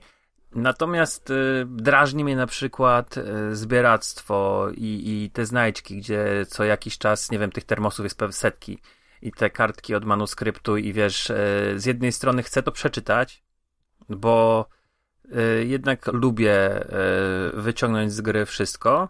I wiesz, muszę szukać tych kartek porozrzucanych po mhm. jakichś y, krzakach, po jakichś śmietnikach. To jest tak, tak irytujące. E, nie wiem, czy to. Mhm. Mm, oni... W dwójce tych znajdźków nie ma tak, tak poukrywanych. One są, ale to jest też tak, że mhm. po prostu wchodzisz i pewne rzeczy rzucają ci się w oczy. No tam też nie, nie są poukrywane, bo one się świecą jak wiesz, jak psu, wiesz co, to one, one są aha, takim, mają aha. tą poświatę i je widzisz, tylko że one są w różnych miejscach i jak na przykład masz przejść e, po półotwartej, po półotwartym terenie z punktu A do punktu B, to warto się gdzieś tam iść za krzak i o, jest kartka, o, jest skrzynia, nie, jakaś. Także to jest, to jest o tyle denerwujące, mhm. że ja bym wolał, mm, znaczy jasne, no tutaj nagradzają cię za eksplorację, ale ta eksploracja nie jest jakaś e, super. No bo ten Alan Wake ma, wiesz, tylko taki bardzo słaby skok. E, natomiast powiem szczerze, że ja trochę tak. wiedzy złapałem więcej, jeżeli chodzi o kontrol, bo zainteresowałem się mm, za sprawą e, kumpla e, z podcastu o filmówce przy kremówce takim zagadnieniem jak analog horror. I... No to ja w ogóle nawet nie znam tego terminu, to musisz rozwinąć.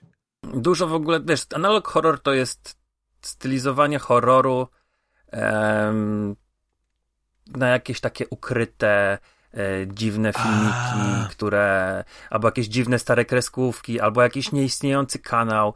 Jest sporo tego w, na YouTubie, jest Local 58, E, jest e, Gemini Home Entertainment, taki kanał, gdzie oni wrzucają bardzo różne dziwne rzeczy. Jest e, Monument Mythos, to są, to są takie jakby paradokumenty o, o budowach amerykańskich, typu budowa pomniku Waszyngtona w, w DC, czy budowa mm, wieży Eiffla. jest, man, jest bardzo ciekawy kanał Mandela katalog, który mm, no jest naprawdę, to są takie, wiesz, to są takie z pogranicza horroru y, rzeczy, takie tak. niepokojące, które y, trochę operują na mm, estetyce VHS-u. Wiesz, jak zacząłeś o tym mówić, to od razu skojarzyłem to z tym serialem Archive 81 i mówię, kurczę, czy to nie jest przypadkiem coś mm -hmm. w tym mhm. stylu? I teraz jak wszedłem na Wikipedię, no, to y, w angielskiej jest właśnie opisane, że to jest analog horror, drama, mystery, thriller, supernatural, czyli, czyli jest ten motyw, no nie? Bo on, on odkrywa te nagrania takie, które są tym analog horrorem. To jest mhm. super sprawa. Muszę, muszę się tym zainteresować. E, jest, jest cały ten, wiesz, nurt w tym osadzony, czyli backrooms, czyli jakieś takie dziwne e, miejsce, które istnieje poza naszym jakby wymiarem, w którym jakieś dziwne istoty żyją. Do tego jest zaliczane między innymi ta cała twórczość e, Five Nights at Freddy's, te takie jak dziwne copypasty i filmiki, animacje tworzone przez dzieciaków, e, ale generalnie mm, analog horror jest e, dosyć ciekawym, ciekawym, ciekawą rzeczą, gdzie widać, e, że kontrol trochę z tego czerpie, i wydaje mi się, że twórcy, twórcy, czyli Sam Lake, myślę, że on e, doskonale e, sobie zdaje z tego sprawę, bo to jest tak naprawdę trochę oparte na mm, nostalgii ludzi, którzy wychowywali się na e, VHS-ach i, i, i nagrywali różne dziwne rzeczy, czyli początek 90.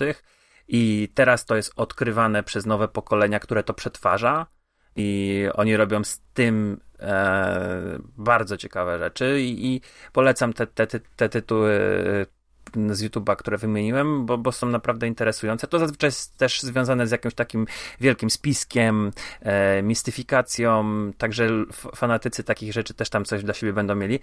Co jest bardzo ciekawe, to też mm, samo zastanawianie się, gdzie to pójdzie, nie? Bo, e, bo no, pokolenia naszych dzieci to już będzie dla nich też odkrycie jakiegoś takiego wczesnego internetu.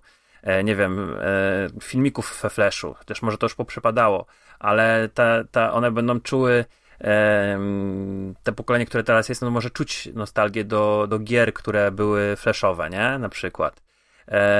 I, I może będzie to też ewoluowało w ten sposób. Zresztą mm, no, cały czas twórcy, yy, nie oszukujmy się, to też jest ta, ta, ta, nostalgia twórców, którzy robią gry, ona się odwołuje do, do coraz yy, innych rzeczy. No, no, no, już na początku była te piksele znane z Super y, Nintendo i, i te estetyki mm, pixel artu, ale teraz wiesz, ja widzę coraz więcej gier, które yy, operują w estetyce pierwszego PlayStation.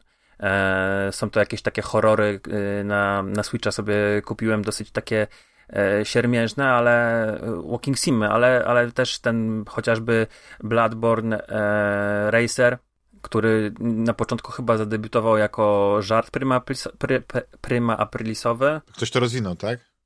I zrobił z tego grę, tak? To no. rozwinęli do pełnej gry, więc wiesz, to, to, jest, to jest ciekawa tematyka. No ale wydaje mi się, że mm, ten analog horror tam możemy sobie szukać bardzo dużo. Jestem ciekawy, ile będzie tego walania Wake'u drugim, bo no bo jednak to jest coś, czego ja absolutnie nie znam i to jest dla mnie najfajniejsze właśnie poznawanie tej estetyki, poznawanie tych, tych y, rzeczy, co, co czasami jest, y, wiesz, oglądanie czy słuchanie, bo też są podcasty, że o, fajnie, to się fajnie, fajne, fajnego mamy, fajną klamrę mamy, bo też miałem o tych dwóch rzeczach powiedzieć ehm, i bym zapomniał.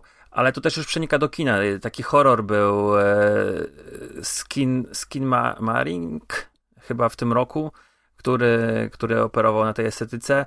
E, Five Nights at Freddy's, które było, miało premierę tej jesieni, to też jest e, gdzieś tam ten analog horror, także e, znaczy on był chyba wtedy analog horror jak jak gra powstawała, a w tym momencie to już film jest normalnie po prostu filmem, który gdzieś tam się do tego odwołuje, do, do dziedzictwa tych gier. Natomiast dzięki temu też trafiłem na dwa świetne podcasty. Jeden to jest Rabbits, i to jest e, dwusezonowy z takim mi, minisezonem mm, podcast w podcaście. To znaczy to tak, my słuchamy podcastu, który jest e, fake podcastem. E, dziewczyny, która trafia szukając koleżanki, prowadząc swoje śledztwo dziennikarskie na grę tą tytułową Rabbids, która, która, która jest bardzo, bardzo enigmatyczną grą, do której ciężko się dostać, trzeba jakieś zagadki rozwiązać, cholera wie co i e, to jest e, jedna z najstarszych gier, e, wcześniej inaczej realizowana, teraz już za pomocą nowych mediów i to jest śledztwo kryminalne z takim właśnie wątkiem e, spiskowym. bardzo dobrze zrealizowane. E, dużo dużo, dużo obiecuje, mhm. nie wiem czy dostarcza, E, bo to sobie każdy może samemu ocenić. Zresztą oczywiście podcast jest po, po angielsku, ale miałem masę frajdy e, słuchając tego i nawet pokusiłem się, bo e, Terry Miles, który pisał między innymi ten, e, ten serial audio, e, zrobił, znaczy napisał książkę Rabbits i ona wydana została po polsku w, w tym roku, w wakacje i ja sobie ją kupiłem. Będę ją też czytał E, jestem bardzo tym zafascynowany. To jest w ogóle utrzymane trochę w stylistyce tego komiksu, na przykład, który po polecałem w zeszłym roku, Departament Prawdy. Czyli takie coś, że jest jakiś taki wielki, ponadnarodowy, ponadinstytucjonalny spisek nie wiadomo kogo, ale nie wiadomo kto w tym uczestniczy, ale to jest i są na to dowody i ta, te bohaterki, bo w pierwszym sezonie jest inna, w drugim sezonie jest inna. E, w pierwszym sezonie jest śledztwo, bo szukamy zaginionej koleżanki, w drugim powiedzmy jest odtwarzanie, dobrze kojarzę, kroków e, tamtej postaci. Coraz dziwniejsze osoby się pojawiają na drodze bohaterek. Także ja polecam wam Rabbids. E, to nie jest aż takie, takie długie. To ma chyba, sezon ma 10 odcinków, może 11 i to są półgodzinne audycje. Natomiast drugim serialem audio, który mnie pochłonął ostatnio i który e, też sporo czasu mi zabierał, to jest Tanis. Mm, to jest też coś niesamowitego, bo nie wiadomo, Brzmi co to jest Tanis do końca, ale to jest coś to jest, to, to jest coś na pograniczu znowu serialu Fringe, nie wiem, i też, też oczywiście bardzo dużo teorii spiskowych, więc to jest takie połączenie Fringe, Departamentu Prawdy, Archiwum Mix. Mamy podcastera, który prowadzi cotygodniowy podcast i nagle zaczyna prowadzić śledztwo o tym tytułowym Tanis, które e, nie wiadomo czym jest, nie wiadomo mm, za bardzo, wiadomo, że to jest jakieś miejsce, a może przedmiot mocy, który, który coś daje, ale też za bardzo nie wiadomo co i on poznaje kolejnych ludzi, którzy go próbują naprowadzić, poznaje kolejne, e, znaczy znajduje kolejne jakieś artefakty, poznaje kolejne teorie, poznaje kolejnych e, znowu ludzi, e, coraz to nowe siły się w to angażują, różnego rodzaju instytucje, które są powołane do różnych celów. E, no jest to niesamowicie przyjemne, trochę w momentami już zjadające swój własny ogon, bo tego jest wow. naprawdę dużo. To jest chyba 6 sezonów po 12-13 odcinków, czasami po, po, czasami godzinnych, więc e, czasami 40-minutowych, więc tego jest naprawdę dużo. Jest świetnie zrealizowane. Jest cały czas, oba e, seriale są zrobione na zasadzie dziennikarskiego śledztwa, więc on tam zaznacza, że Tutaj musiałem niestety wyłączyć telefon, bo osoba nie pozwoliła mi nagrywać. Albo na przykład rozmawiam z kimś przez telefon i on mówi, ja znam, słucham, znam cię, słucham twojego podcastu. Ja nie chcę, żebyś nagrywał, nie chcę być w tej rozmowie. I on wyłącza na przykład nagrywanie. Albo mówi, że po prostu odbyłem taką i taką rozmowę, mogę wam ją przytoczyć, nie, nie usłyszycie głosu tej osoby. Mhm. E, I też, e, też no jest, jest to coś, co jak się już e, przeszło kontrol, to ta, to, to, to jest pewnego rodzaju utrzymana taka właśnie atmosfera. Yy, gdzieś tam ci się w głowie pojawiają te właśnie skojarzenia z archiwum Mix, ale też oni czerpią naprawdę z różnego rodzaju e, teorii spiskowych, które sięgają jakichś tam dziwnych e, rękopisów średniowiecznych, których nie można rozszyfrować, e, czy postaci mm, Rasputina. E, i, I dzieją się tam akurat w tym Tanisie dzieją się naprawdę fantastyczne rzeczy, w sensie fantastyczne, czyli ma wątki science fiction, um, ale to wszystko jest tak właśnie utrzymane w takiej konwencji biura do, w, do spraw e, kontroli, nie? Czyli to jest, to jest, tak się ładnie to uzupełnia. to jest też stara rzecz, bo to jest z 2016 roku projekt, chyba on się skończył jakoś tam powiedzmy w momencie pandemii. I jestem bardzo ciekawy, czy gdy Control powstawała, to oni się też w jakiś tam sposób tym mhm. nie. E, Control powstawała, nie powstawała, gra powstawała. Czy się nie inspirowali, czy nie słuchali tego, bo to okazuje się, że było bardzo popularne. Znane, znane osobistości e, filmowe nawet tam reklamowały, może nie reklamowały, ale zachęcały do słuchania. I, i, i um, jest to rzecz naprawdę godna uwagi, jak ktoś lubi takie rzeczy. I no, jesteśmy przy tym samym lejku i przy Alanie Wake'u i przy e, kontroli, więc mhm. e, wydaje mi się, że to się gdzieś tam fajnie wpisuje i można mieć taki większy obraz.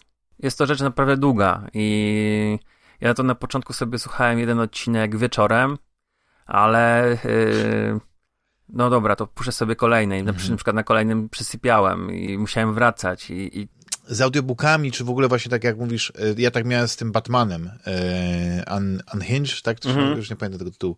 Unburied. Unburied, przepraszam. To ja po prostu, jak mi coś umknęło, to ja cofałem i musiałem jeszcze raz słuchać, dlatego, że tam było dużo takich rzeczy, wiesz, no ten świat, wiesz, ten równoległy, nie, nie jak to nazwać, nie wiesz, no ale kojarzysz to, oczywiście, polecam -hmm. w ogóle ten, Jasne, wiem. Batmana.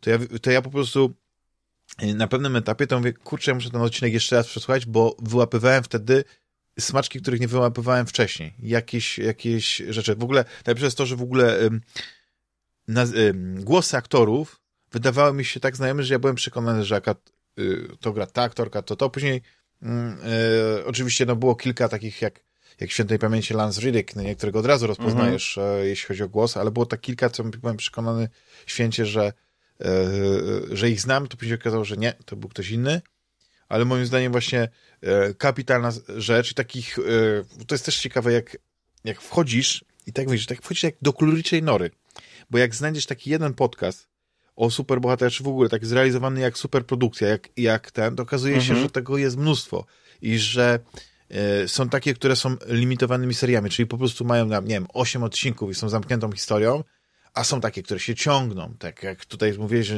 no, no, może to nie jest ten analog horror, ale potrafią mieć te sezony i e, naprawdę jest, jest niesamowite, jak człowiek nawet nie wie, że coś takiego istnieje, co mogłoby mi się spodobać. I ja się cieszę, że akurat e, dzisiaj otworzyłeś mi oczy o, na, na ten te analogowo-horrorowe podcasty, bo nie wiem, czy to jest kwestia tego, że ja za dzieciaka uwielbiałem Archiwum Mix, z Archiwum Mix, że, że bardzo lubiłem też serial Fringe, o którym wspomniałeś, że ja po prostu lubię takie elementy, nie tylko, że paranormalne, ale w ogóle właśnie to ten fringe science, do którego się odnosi ten tytuł tego serialu, czyli takie, takie rzeczy z pogranicza nauki, takie niesamowitości, z e, elementy teorii spiskowych, ale wszystko to zrobione takim, e, nie, że chodzi mi, że ze smakiem, ale zrobione to tak, że po prostu to ci wciąga, że to wchłania, że to nie jest na zasadzie takiego wiesz, jak to czasami pojawiają się jakiś ciekawy temat i o, mówisz, o, to może być jakiś ciekawy film na YouTubie w tym temacie, nie? Tam powiedzmy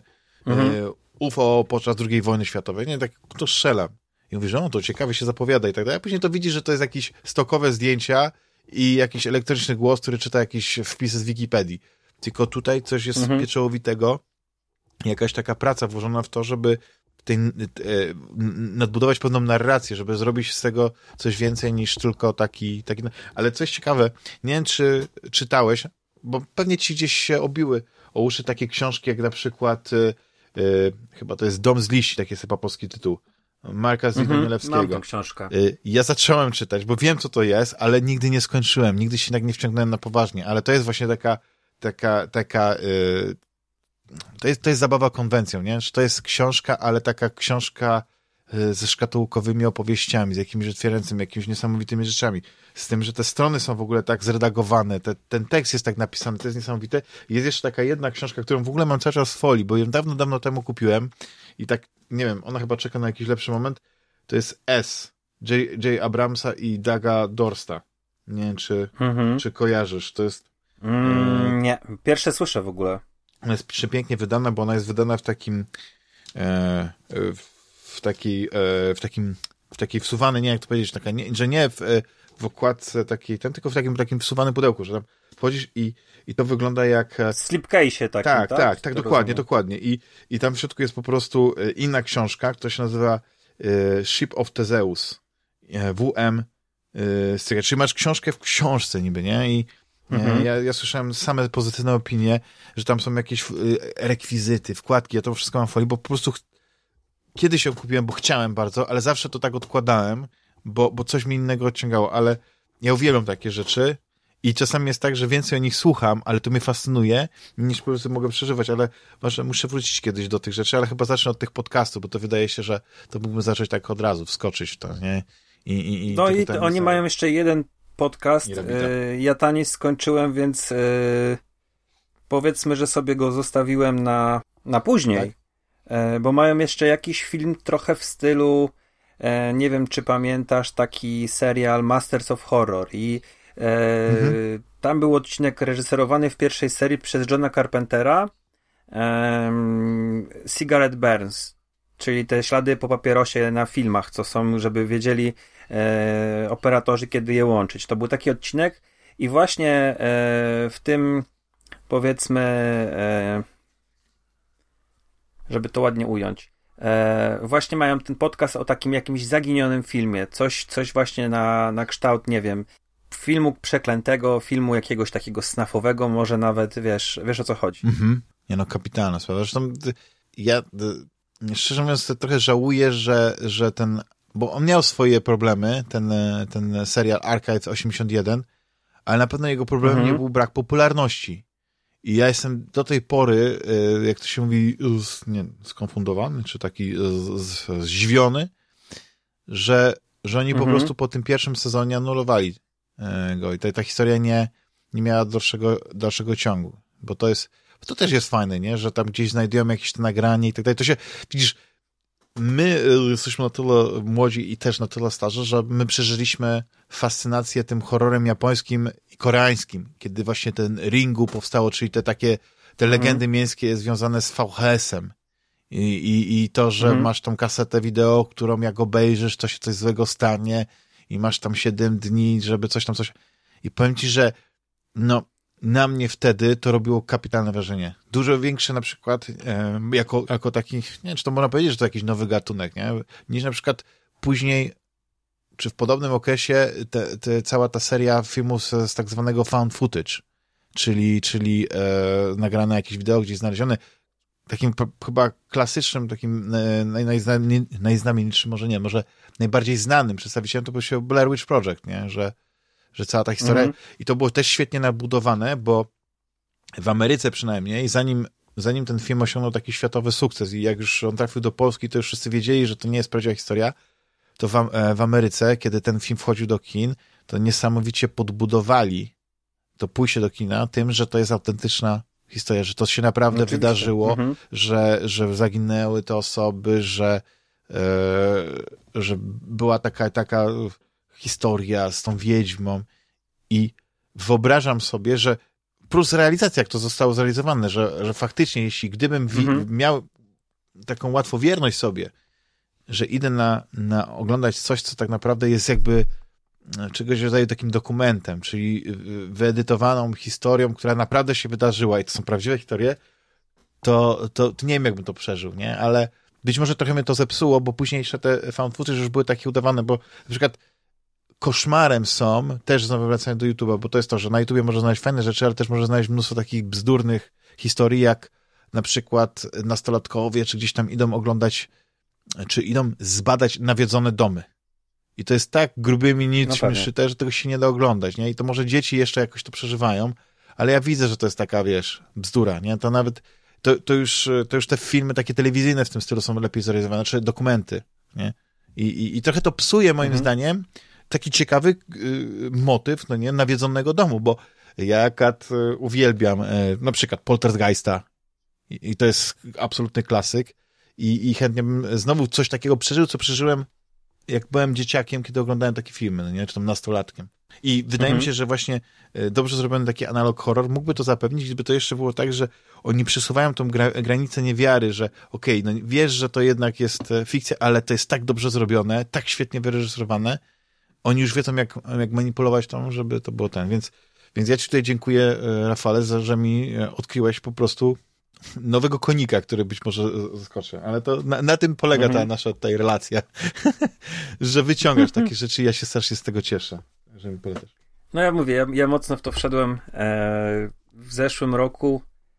Trochę czytałem o tej operacji Paperclip, mhm. która e, tak naprawdę jest e, no, rzeczą teorią spiskową, która się okazała tak. prawdą, więc y, powiedzmy sobie, że y, gdzieś tam no miałem takie jakieś podwaliny i na to, na ten podatny grunt trafiły inne rzeczy, właśnie między innymi komiks Departament Prawdy czy Potwory, które też opowiadały o, o tym. Y, no ja szczerze uważam, że nie jestem wyznawcą teorii spiskowych, ale w ogóle to wszystko, co się kryje za, za, za, za, za teoriami spiskowymi Oczywiście. jest szalenie ciekawe. Naprawdę y, to jest rzecz, która jest i warta y, w jakiś tam sposób y, mhm. no, z, z, może nie badania, nie? Ale... Mi się wydaje, że nie, nie, takie nie, niektóre nazwiska, już nie chcę tutaj wchodzić, jakby Y, dały złą prasę Ale... teoriom spiskowym, bo kiedyś teorie spiskowe po prostu były taką ciekawostką, takim, takim an... miały, no to były tak, fajne anegdoty, a później to się to stało takim takim miksem, że te teorie spiskowe zaczęły się mieszać z fake newsami i to wszystko zaczęło być, że ludzie nie zaczęli, zaczęli nie rozróżniać fake newsów od, od teorii spiskowych i to wszystko się zagłębiło, bo y, ja na przykład bardzo lubiłem film z Melem Gibsonem, który właśnie pod tym tytułem Teorie spiskowe. Albo y, jest też taki inny film Enemy of the States, który może nie jest o teoriach spiskowych, ale, ale też jest o tym jednym, y, mhm. że, że jesteśmy ciągle inwigilowani, nie? Co się później okazuje, że to jest prawdą, no nie? Wszyscy mhm. tak, wiesz, do, do, do czasu pojawienia się, powiedzmy, raportu Snowdena, kiedy on e, był tym whistleblowerem na temat NSA, to to samo było w tym filmie, bo tam też był NSA i, i, i to wszystko było, mhm. tylko po prostu...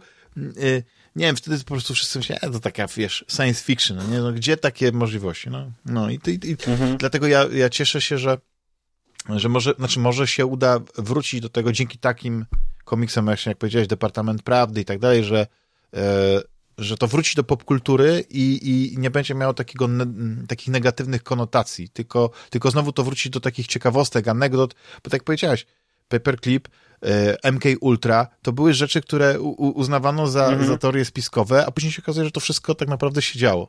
Że, że były takie pomysły, że te wszystkie tak. motywy z eksperymentem, czy z jakimiś takimi innymi rzeczami, które, mm, które no tak jak mówię, no wszystko to było w, w jakichś takich anegdotach wypływało, a to później się okazało, że tak, że robili psychologiczne eksperymenty na ludziach, E, które dzisiaj byłyby absolutnie nieetyczne i nigdy by nie przeszły, a wtedy po prostu e, rzeczy jak na przykład, nie wiem, rozdzielanie... E, Dawali kwas na potęgę tak, albo, ludziom. albo rozdzielanie na przykład jednojajecznych bliźniaków, żeby sprawdzić, czy coś się stanie i jak tak dalej, czy, czy genetyka ma większy wpływ niż na przykład uwarunkowania społeczne i tak dalej, tak dalej, tak dalej. Wiesz, no takie rzeczy, no nie? I dzi dzisiaj, dzisiaj już powiedzmy całe szczęście, nie? Nie, nie? nie ma tych nieetycznych rzeczy, ale zapominamy, że kiedyś świat był inny i, i, i, i to, co teraz się mówi, że to tak bójda, no to jednak się kiedyś e, wydarzyło. Dlatego ja po prostu też jestem takim, e, że lubię i te sensacje XX wieku posłuchać i, i, i te historie, mhm. które się wydają, wiesz, e, absolutnie nieprawdopodobne, bo ktoś mówi, nie, to tego się nawet nie da zekranizować. No. Widzisz, teraz, teraz największym yy, tym największym, yy, największą sensacją, czy największym skandalem jest to, jak zekranizował Ridley Scott Napoleona. Że, nie wiem, po raz pierwszy od jakiegoś czasu, no nie, ludzie zaczęli mówić, że jak to? Jak on nie mógł być dokładny, wiesz, w, w sportretowaniu postaci historycznej, przecież te wszystkie książki Waldemara Łysiaka i tak dalej, one tak doskonale opisują te, wszystkie te rzeczy, to są, to jest licencja poetyka. No tak jak można powiedzieć, że, wiesz, Kapuściński też był święty, y, fantastycznym reportażystą, ale jak ktoś czytał na przykład y, non-fiction, nie, no to, no to wie, że, że no, w tych historiach, no nie, tam, tam zawsze jeszcze coś tam było, no nie, więc, więc nie można nawet traktować mm pewnych rzeczy, które były przedstawione jako, jako absolutnie wiesz, właśnie jako reportaż, nie? Coś ten, po prostu tyle czasu płynęło, licencja poetyka, pewne rzeczy i, i ja jestem bardzo ciekawy w ogóle Napoleona, bo, bo, bo yy, chętnie obejrzę w tej wersji bardziej jednak może nie kinowej, tylko ta, która już trafi chyba na, na Apple yy, TV Plus, która będzie dłuższa, będzie taka bardziej mhm. telewizyjna w sensie długości i, i, i chętnie, bo zwiastun znowu mi się podobał, nie? Ale to zwiastun jest, to, są, to jest parę minut i tyle, nie? Tam Józefina e, absolutnie sztos, nie? Jak to się mówi. Więc, więc zobaczymy. Ale trochę tak odpłynąłem z tymi, z tymi filmami. Wybacz, e, Rafale. No co ty, za co, co mam ci wybaczyć? Super. E, jeśli chodzi o ten, o, o, o ten analog horror, coś jeszcze, e, bo, bo wyszliśmy od Alana Wake'a, pięknie tutaj mhm. wpłynęliśmy na te, na analog horror i te podcasty. Znaczy ja próbuję tego porządkować wspomnieliśmy o filmach, to, to, nie wiem, czy wracamy do, do gier, bo y, ja rozumiem, że... Jeszcze mam jedną grę, mhm. jeszcze mam jedną grę, którą chciałbym w zasadzie opowiedzieć o niej, bo, bo wiesz, to, to jest przygodówka. O. I to jest jednak zawsze był gatunek bliski mojemu sercu, a trafiłem na dobrą przygodówkę, mm, którą Eleven Beat Studios y, wy, wy, wy, wydawało. Nazywa się albo Rocky, to jest drugie to um, umlaut, tak? O umlaut. Mhm. Klasyczny point and click e, robiony przez e, nie, sorry, nie, nie Eleven Bit Studios, tylko CI Games wydawało. Przepraszam, tutaj cofam CI Games. E, no, tutaj też Fopa. I na półka, ale też e, Polska. E, tak, ale Polska.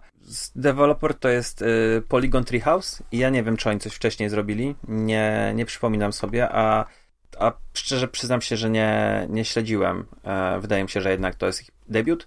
I to jest historia folkloru, znaczy to jest historia y, siostry, która szuka brata w krainach z folkloru baśni skandynawskich.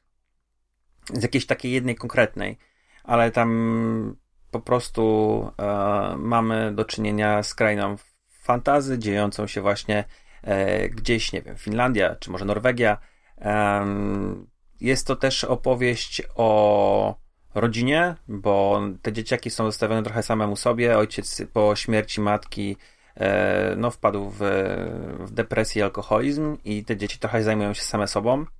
I ta gra wykorzystuje absolutnie wszystkie takie dosyć ciekawe mechaniki, jakie mogą mieć e, właśnie gry przygodowe. Czyli mamy na przykład oprócz takiego klasycznego point and click, to mamy na przykład dwie postacie, którymi kierujemy naprzemiennie i one są w różnych światach, ale ich działania oddziaływują na świat tej drugiej osoby. Albo mamy jakieś urządzenie, które pozwala nam na przykład widzieć niewidzialne rzeczy i dzięki temu możemy mieć jakieś interakcje inne, albo mamy urządzenie, dzięki któremu coś rośnie i możemy na przykład y, dzięki temu budować sobie przejścia do, do, do komnat, do pomieszczeń, których nie, nie, nie, wcześniej nie mieliśmy dostępu bo podlewamy na przykład coś e, czymś magicznym, nie? I to te, te grzyby rosną. Naprawdę spodziewałem się chyba czegoś zgoła prostszego, a okazało się, że dostałem bardzo dobrą, dobrze napisaną e, przygodówkę z fajnymi e, animacjami, z fajną wizualnym takim sznytem. Ty go porównałeś do Pucia, bo ja mówię o tej grze. Mhm, mhm jeżeli i to ktoś sobie pomyśli, że to jest rzeczywiście trochę dla młodszych może odbiorców, no to jest taka baśń trochę dla e, starszych dzieciaków, ale też dorośli sobie coś tam znajdą i, i nie jest to głupia historia, to nie jest jakiś taki znowu kryminał, ale to jest też tak właśnie e, trochę refleksyjnie, trochę w stylu Gaimana, może nawet tych opowiadań, takie trochę przewrotne rzeczy są, te E, te baśnie są też tak jak powinny być do opowiedzenia o pewnych, e, przetworzenia pewnych lęków, nie? Także e, tutaj jest dużo ciekawych rzeczy się dzieje w tej warstwie fabularnej, narracyjnej, a druga sprawa, że mówię, no tutaj są bardzo fajnie wykorzystane mechaniki przygodówek, jest, są dialogi, ale one nie są jakieś takie najważniejsze, gdzie dużo dzieje się mhm. Mm, w jakichś tam szukaniach czegoś, zapamiętywania e, układu, e, łączenia jakiegoś tam przedmiotu z innym, ale też trzeba sobie pamiętać, że są, są takie mini właśnie zadania postaci dają na planszach i trzeba o tym pamiętać, bo dziennik nie jest zbyt dobry. Wersja na PS5 jest na pewno wersja polską. Ma tylko oczywiście, tam nie ma voice actingu, tylko jest tylko są napisy, tak? Znowu chyba na wersję na PS4 chyba tej polskiej wersji nie ma, o ile dobrze kojarzę, ale teraz na 100% nie, nie powiem. Moim zdaniem warto zagrać, jest, jest to naprawdę dobra przygodówka. Ja zacząłem, a tu też tak e, w klimacie takich mniejszych gier, to tylko tak wspomnę, bo przez ostatnie właśnie tygodnie to praktycznie tylko ten Alan Wake 2 mhm. e, grałem, ale mm, że parę dni temu, nie, tydzień temu? jakoś tak, y, Deliver Us Mars mhm. wpadła do, do Epika, to nawet zacząłem grać, co od razu obiło mi się o uszy, to, że Neil Newbon, czyli laureat nagrody za najlepszą, za, za najlepszą kreację aktorską w grze, właśnie na Game Awards 2003, podkłada głos pod jednego z, z znaczy z bohaterów tej historii, mhm. tak, tam ojca Izaka, tej głównej bohaterki. I muszę przyznać, że jakoś się odbiłem od De Deliver Us Moon, bo to jest kontynuacja. Mhm. A czy ja kontynuacja? No, akurat, no.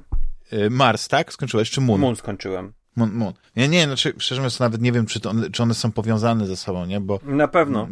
Tak? Aha, to dobrze, to dobrze. To jest, to, to, to, to jest ciekawe, bo e, ja nie, nie, kończę, nie, nie skończyłem, przez to, że nie skończyłem Moona, to właśnie nie wiem, jak, jak te postacie, czy ten świat, no, te nawiązania wyglądają, ale tak zacząłem grać, oczywiście ta, ta, ten, ten prolog był interesujący, no tak za, za bardzo nie wyjaśniał, o co chodzi. Tam do jakiejś takiej trochę tragedii doszło, ale bardzo mi się podobało to, że mm, ten początek, znaczy początek, jak już można powiedzieć, po prologu, kiedy y, nasza bohaterka już nie jest dzieckiem, już jest taką młodą kobietą i y, jest wysłana właśnie na misję. No domyślam się, że na Marsa, no nie, bo akad dopiero zacząłem grać i cały ten motyw startu jest mhm. zrobiony tak, jakbyśmy byli w symulatorze Niemniej te przyciski e, są takie wielgaśne, że bardziej mi to przypomniało jakieś science fiction z lat 70., ale nie, że stylizowane jak, jak e, w Atom Punku, nie, czy na przykład e, w The Invincible, tylko, tylko tak po prostu to wynikało z tego, że no musiałeś mieć takie wyraźne przyciski, one były zaznaczone, bo te wszystkie systemy po kolei przełączałeś, nie? nie? Mhm. Tam tlen, moc, silników, to, teraz ustawiamy ten, to to było takie sympatyczne, tak, taka, taka mesja. Ja tylko się zastanawiałem, czy to nie, nie, nie przedobrzą, nie? Że, że to nie będzie zbyt długo, ale to taka dobrze zbalansowane i później jesteśmy na tej orbicie i przed tym już takim e, długim lotem e, wychodzimy. Oczywiście później się sytuacja zmieniła, bo wróciliśmy do tego, do, do momentu właśnie z prologu, kiedy z ojcem nurkujemy i to też tak bardzo fajnie zostało zrobione. Bo ta, ta gra tak ma taki graficzny sznyt realistyczny, jeśli chodzi o otoczenie, bardzo mi się podoba, znaczy w miarę realistyczny, nie? Kiedy widzimy mhm. Y, tą faunę, florę, na przykład tą podmorską, czy, czy te, te pustynie usiane e, tymi wielkimi talerzami tych anten, takich typu, nie wiem, jak, jak SETI, nie? Tam miało takie te nasłuchu kosmicznego, ale ale te postacie są takie w, w, w miarę kreskówkowe, takie, znaczy nie, że kreskówkowe, kreskówkowe, tylko takie już mniej realistyczne, nie? I, i, mhm. i te animacje są takie trochę dziwne, ale z drugiej strony po prostu to, ja, ja to biorę, że to jest, że to jest taki styl i, i mm, słyszałem dobre opinie na temat Moon, i, i e, jestem taki ciekawy, że jak się wciągnę w ten marsz, jednak nie, nie, nie wrócę do tego Muna, bo tam gdzieś po prostu utknąłem, już nie pamiętam dokładnie co. To, to, to, to nie było tak, że zacząłem walić głową w ścianę i mówię, dobra, nie będę w to grał, tylko, tylko to jest...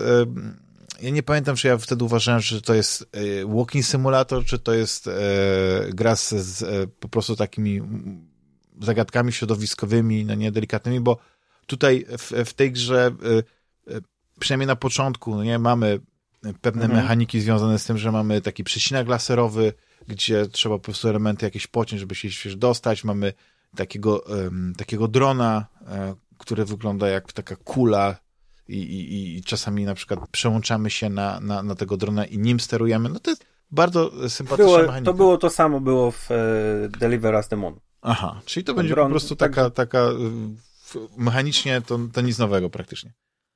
Deliver Us the Moon to była gra, z tego co ja kojarzę, e, ufundowana na Kickstarterze.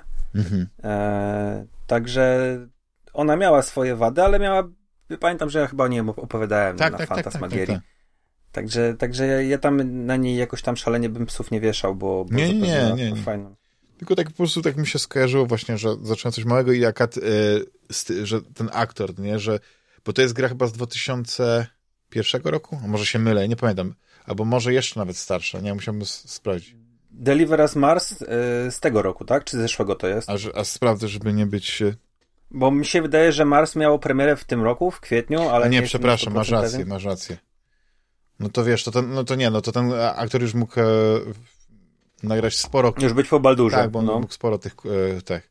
A to ciekawe. A no, no, no dobrze, czyli, czyli, mi się, czyli jednak tamta gra po prostu była starsza, masz rację. Tak, ta miała premierę e, 2 e, lutego tego roku. A, lutego, no, no właśnie. Tak mi się wydawało, że to w tym roku wychodziło. Bo ja mam to na ja mam to na swojej liście, nie? Żeby tak. kupić, ale jeszcze tego nie zrobiłem. Mhm, mhm. Rafale, na koniec taki, e, bo już częściowo taki kącik popkulturalny zrobiliśmy, ale rozmawialiśmy o takim e, elemencie, znaczy takim segmencie, który mógłby być taką polecajką świąteczną, jeśli chodzi o prezenty. Takim stałym, takim stałym, bo w zeszłym roku chyba też takie coś A, No to kontynuujemy tą piękną tradycję, yy, tak. którą zapoczątkowałeś, y, jeśli chodzi o po, polecenie świąteczne. Y, ja generalnie oczywiście mówię, że ty polecasz cały czas na, na swoim Instagramie dymki, cycki i lasery, bo, bo, bo tam, no to właśnie, ale podoba mi się, że zacząłeś y, po sugestii fana też rzucać zdjęcia kadrów, bo, bo, bo, bo okładki są oczywiście świetne, sugestywne, ale czasami takie dodatkowe, taka informacja z, z kadrem, no bo oczywiście piękne opisy też dajesz, nie? których nikt nie czyta, jak wiemy, bo wszyscy tylko y, dają serduszka w obrazki, bo, bo to jest Instagram, no to jednak też dodatkowo daje, bo tam była taka jakaś, już nie pamiętam tytułu, ale chyba jakaś taka szpiegowska z jakąś, jakąś, jakąś agentką, nie? Gun High, tak, no tak. tak, wrzuciłem. I to, mi się strasznie podobała ta okładka, y, tak, ta, ta, ta, ten klimat, bo, bo, bo, mhm. bo nie wiem, czy to jest amerykański komiks, czy bardziej europejski, ale... Amerykański aha, to aha. jest, amerykański, bo wydawnictwo jest e, amerykańskie, mhm. to Hard Case Crime, tam, to dlatego kupiłem właśnie, to, to zabawna sprawa, bo scenariusz napisał wydawca Kinga i, i ja patrzę, jest... jest e, wydawca Kinga? Pisze i... W sensie... Tak, Aha. wydawca Kinga napisał książkę. On stworzył takie wydawnictwo małe Hard Case Crime i oni wydają w Stanach pulpowe kryminały. Wracają do takich lat 50., y, właśnie trochę jak odwoływał się w, swoich, y, w swoim Pulp Fiction, nie? Tarantino, to on coś takiego wydaje i King, u King y, wydał w tym wydawnictwie trzy książki. Później Joyland i Colorado Kid, które niby nie są pulpowymi kryminałami, ale nie są nawet chyba w ogóle kryminałami. Może ten Joyland trochę, ale y, no wiesz, on pomaga, King pomaga małym wydawcom, -hmm. nie? Jakoś tam i, i, zobaczyłem, że ten Charles Arday e, wydał komiks, nie? I tylko dlatego kupiłem, okazało się, że to jest Aha. niezłe. Aha. Że to jest sensacja, taka lata 80., 90., główna bohaterka, taka Nikita, ale jej zadaniem, tak jak e, tamte zabijały, to Ganhany tylko podrzuca broń nie? Że ona ci tę broń dostarczy w miejsce, gdzie są wykrywacze metalu i ochrona i wszystkich sprawdzają. Ale ona ci ten pistolet doręczy i ty go dostaniesz. Albo to będzie więzienie, albo to będzie e, jacht. I jest w tym bardzo dobra. No i dziewczyna zwraca uwagę jakiejś tam agencji USA. Dostaje ogon, jest taki wątek trochę buddy cop movie, nie? Czyli ma agenta przyczepionego do siebie, a jednak by chciała tym trochę działać. I jest zemsta, bo um, już tutaj nie będę wchodził w, w szczegóły, bo, bo, bo to jest krótki komiks. E, to są tylko cztery zeszyty i każdy ma tam swoje twisty, jak to takie prawidła filmu sensacyjnego są, nie? Że to jakaś zdrada albo ktoś umiera, e, więc tutaj nie chcę, nie chcę wchodzić, ale e, jedna robota idzie źle i, i nagle no, mamy konsekwencje swoich działań bardzo poważne.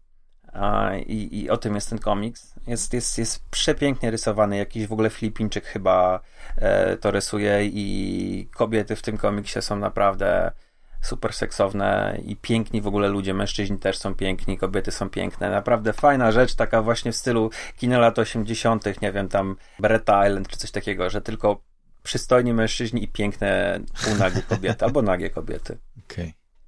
Ale mężczyźni też są. No dla każdego coś nie? miłego, jak to się... Tak, ja bym chciał tak jak w zeszłym roku e, polecaliśmy pięć komiksów, chyba tak było. Mhm nie wiem, mam nadzieję, że się nie powtórzę. To ja po polecę dwie książki, A... które czytam, więc, ale to zrobię na samym końcu, więc y, pozwól, że oddam ci całkowicie tutaj mikrofon i, i, i, wszystkie pięć poleć, od, znaczy w sensie nie, że tak szybko, tylko po prostu y, nie będziemy przeplatać się, tylko e, aż, aż wszystko polecisz, co, co masz przygotowane. Więc zacząłbym od e, zacząłbym od e, komiksu, który ostatnio jakoś przeczytałem, to jest Miły Dom nad Jeziorem mhm. Jamesa Tyniona IV. To jest autor już znany w Polsce, bo on wyda, jego wydają e, w Nonstop Comics, jego serię e, Coś zabija dzieciaki. E, od niego też jest Departament mhm. Prawdy, o którym mówiłem w zeszłym roku. Więc w tym roku Egmont wydał jego rzecz, którą on napisał dla DC, dla tego mm, imprintu Black Label które chyba się już kończy i w tym momencie wracamy do imprintu Vertigo, ale nie jestem na, na 100% pewien, bo wracają Elseworldy i coś tak czuję, że DC Black Ale myślę, że wrócą do... do tak, tak? O. Coś mi się tak wydaje, do Vertigo wrócą, bo wiesz, Elseworld już wraca Aha. jako Elseworld, nie? Teraz jest wszystko wrócone w ten e, DC, DC Black Label, czyli masz rzeczy takie e, spoza uniwersum DC, ale też takie rzeczy oderwane, ale z Jokerem, z Batmanem, te też mają Aha. ten sam brand, nie? DC Black Label. I coś mi się, oni już wracają teraz z tym Elseworld. e, że teraz te, te, te takie komiksy przedstawiające bohaterów DC spoza głównego nurtu, to już będą Elseworldy mm. się nazywały. Nie wiem, czy może nadal będzie ten, ten DC Black Label, ale to będą na pewno Elseworldy. Ale coś mi się wydaje, że ten DC Black Label jakoś im tak nie wypalił, że jednak ludzie są przyzwyczajeni do, do tego starego cały czas Vertigo i może znowu Vertigo wróci jako imprint. Ciężko mhm. mi powiedzieć. To wiesz, cały czas się coś, coś zmienia. Dla mnie to Vertigo to była taka marka już wyrobiona, że jak oni to zmienili na DC Black mm. Label, to ja mówię, no to jest jak, nie wiem, zmienić nazwę Coca-Coli na, na coś innego. Nie wiem, e, Szczeg no, szczególnie tam nie było zazwyczaj tak, tak, tytułów, nie? Tam był ten Sandman, Stone Boy, e, Preacher, dobrze tak, mówię? Preacher tak, był w tak, Vertigo? Tak, oczywiście. E, także mm, Scalp, to, to, to jest no tak, no, naprawdę no, for Vendetta, potężna... te komiksy Alana Mura, no nie, wydawane. Chyba nawet Hellblazery były wydawane jako, A... jako Vertigo. Ma bardzo możliwe. Na pewno e, Y, ostatni z mężczyzn, był też, mhm. nie? Vertigo e, DMC, czyli dem, DMZ, Demilitary Zone. E, mhm. No dobra, w każdym razie polecam jego dwutomówkę na ten moment z, e, od Egmontu, Miły dom nad jeziorem. To jest rzecz e, z pogranicza, mm, to jest komiks tajemnicy, powiedzmy w ten sposób, to by było dobrze. Ja chyba no ja kojarzę ten tytuł, tak, tak, tak. E, to jeżeli chcecie komuś sprawić prezent na święta, to te dwa tomy są zamkniętą powiedzmy całością. One, ma, one są otwarte na kontynuację, ale e, na ten moment bardzo fajnie e, ta historia jest opowiedziana, ma bardzo przyjemne rysunki. Jest to coś trochę taki horror, body horror, ale też połączone z science fiction w klimacie Losta, może E, także tutaj możecie sobie ten tytuł wziąć na radar. I to mówię, to są dwa albumy. Nie wpakujecie się ani swojej osoby obdarowanej w jakąś gigantyczną serię. Tutaj nie będzie polecania mank, które mają po 40 albumów. Gorąco polecam Wam też od e, wydawnictwa Nagle e, nowe wydanie e, kryminu, kryminału noir, też takiego palpowego e, Parkera edycja Martini to jest taka konkretna e, A4 gruba na grubym papierze. Ja ją pokazywałem kiedyś na Twitterze. E, to, są, to jest komiks e, na podstawie e, historii mhm. Richarda Starka. E, to są kryminały o właśnie tytułowym Parkerze. I to jest już kiedyś było wydane w Polsce w czterech tomach przez Taurus Media. Darwin Cook, który to pisał i który to rysował, zmarł na raka. E, I ten projekt doczekał się te, tego tyle, mhm. co się doczekał. E, tutaj mamy wzbogacone piękne dodatki. E, obwoluty, grube, twarde oprawy, fajne wydanie, takie naprawdę gruby papier offsetowy. E, te rysunki mają bardzo dobry wydruk, y, ten kolor jest głęboki, one mają bardzo charakterystyczny styl, kojarzący się z latami 50., 60. E, te historie są typowymi sensacjami. Parker jest gościem, który jest gościem od roboty. On jest e, wynajmowany jako jeden z członków ekipy, która będzie robiła skok.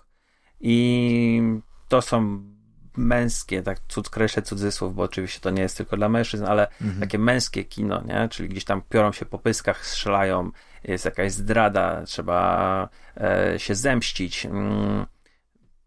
Parker był ekranizowany. E, ostatni film to był chyba ten z Jasonem Stathamem, e, tytułowy Parker, który jest słabym e, filmem i podejrzewam, że również ekranizacją. Natomiast. E, między Widzisz, innymi... ja nie kojarzyłem, bo ja kojarzyłem ten film z Jasonem Stathamem, ale jak patrzyłem na te kadry, czy w ogóle ten komiks, który opisywałeś, to w ogóle bym nie, po, po nie przyszło mi do głowy, że to jest to. Że ten Parker to się wydawał taki, taki typowy właśnie Stathamy, takie mordo obicie, nie? I tak dalej, a, a nie jakiś noir czy coś w tym stylu. Mhm.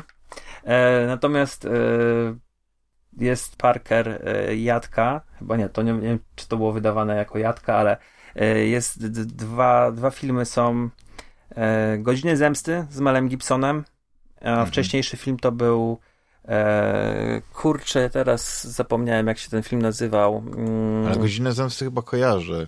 To, 90... On miał w ogóle jakoś chyba dwie wersje. Nie? Czy to nie było tak, że, y, że Godziny Zemsty miały jakoś, jakieś dwie wersje? Tak, to jest wersja reżyserska i wersja taka krótsza. E, tam gra między innymi e, Lucy Liu. Godzina Zemsty, przepraszam. E, payback. payback. tak. Payback, dokładnie, Payback. Godziny Zemsty. Jest też wersja z, z lat 70., ale zabij mnie teraz, nie pamiętam kto tam gra, a znam tego aktora doskonale, bo on jest z Parszywą Dwunastkę. jakiś Michael Nie, Kane, Parszywą Dwunastkę on, on, kompletował i teraz zapomniałem, jak się ten aktor nazywa. E, bardzo charakterystyczny, wysoki Aha. facet. I on najbardziej przypomina tego komiksowego Parkera. Mhm. Także to wydanie, jeżeli chcecie te, takie naprawdę piękne wydanie komuś podarować albo sobie kupić, to polecam. To jest super komiks. E, warty tych pieniędzy. On oczywiście chodzi w promocjach, no bo y, mamy taką sytuację, że te wyrwiecie zawsze komiks za 30% taniej na gildii na przykład. Także to jest, to jest mus, jest, jest świetny. E, bardzo dobry kolejny kryminał noir. A co ciekawe, ja nie jestem jakimś wielkim fanem kryminałów, ale przeczytałem i, i bez bólu i uważam, że jest dobry. To jest e, The Good Asian, dobry Azjata. Dzieje się w latach 30 w 20., 30., 30. w Chinatown w San Francisco. Jest to typowa historia e, kryminalna, tylko że mamy główny bohater jest Chińczykiem. Przyjeżdża na prośbę e, swojego przyrodniego brata do domu, bo gosposia, która jest Chinką, zniknęła. Ojciec e, załamał się, głowa rodziny załamała się, miliarder ogólnie, milioner może w ten sposób, załamał się, wpadł w katatonie, jest nieprzytomny, miał zawał serca, a ty trafiasz do... bo spędziłeś ostatnie lata w Honolulu, jesteś pierwszym detektywem Azjatą, e, Chińczykiem, e, który dostąpił tego zaszczytu i E, I to jest komiks, który z jednej strony jest bardzo sensacyjny, bardzo kryminalny. Tam naprawdę jest zagadka kryminalna, że ją czytamy i możemy sobie ją w głowie rozwiązywać i łączyć tropy. Są przesłuchania, zeznania, mm, ktoś tam ci miesza, są jakieś wspomnienia twoje z młodości, gdzie sobie tam opisujesz w głowie postać swojego brata, swojej przyrodniej siostry. A z drugiej strony ma, jest duża dbałość o szczegóły historyczne. Naprawdę jestem zaskoczony, bo ja sobie je googlałem. E, mhm. Podczas lektury zacząłem, w ogóle bardzo wolno mi szło, bo oczywiście otworzyłem Wikipedię i byłem bardzo ciekawy, czy rzeczywiście sytuacja Chińczyków była taka, jak opisuje autor. E, bardzo ciężkie nazwiska e, są i rysownika, i scenarzysty. Scenarzysta to jest Pichet Shute. Nie jestem pewien, czy dobrze to wymawiam. Rysownikiem jest e, Tefeng. Tefeng. Mhm. Nie wiem, KGI końcówka jest. Nie wiem, jak tego przeczytać. Nie, to jest taki łamaniec Aha. językowy. E, komiks otrzymał nagrodę Eisnera. Jest to miniseria. E, bardzo możliwe, że wrócą do tej postaci głównego bohatera, ale e, na ten moment to jest zamknięta seria, jeden tom. Bardzo w porządku kreska, trochę nawiązująca właśnie do Um, nawet od Darwina Cooka. Um, jest, jest fajna, bo jest e, bogata w szczegóły i naprawdę fajnie się to ogląda. E, miałem sporo przyjemności z tego komiksu, chociaż wiem, że wielu ludzi jest rozczarowanych, bo nie wiem, spodziewają się, nie wiem, nie wiem czego się spodziewali, bo dla mnie to było satysfakcjonująca lektura i e, o dziwo naprawdę czerpałem przyjemność y, i czegoś się dowiedziałem, a jest tam bardzo fajny, bo skończyłem lekturę i nagle patrzę, tam mam bazę wiedzy, nie? E, encyklopedia jest z tyłu z datami, z opisami miejsc e, prawdziwych, które są w komiksie przedstawione i, i jak to było historycznie wszystko. Także to jest fajna rzecz. Ile mamy? Trzy, cztery rzeczy? Damianie, pomóż, ile mamy rzeczy? Yy, Parker, Dom nad jeziorem. Miły Dom nad jeziorem znaczy nie... i Dobry Azjata, tak? Ganhany tak, to takie bonusowo, bo ja tego nawet tak, nie, nie specjalnie planowałem o tym mhm. mówić. A pociągnąłem cię tutaj jaka zainteresował, bo yy, tak mi się spodobała ta, ta, ta e, okładka. E, coś Batmana tak sobie myślałem, żeby polecić. No widziałem właśnie też, że masz e, Batmany z tej takiej serii e, horrorowej Batmanów, takich ala zombiaki, tak? Deceased, tak. Deceased. To, to jest e, to jest tego samego pisarza, Toma Taylora, który napisał e, Injustice, czyli e, prolog tak. do gry komputerowej. A to ten komiks taki gruby to jest prolog do gry?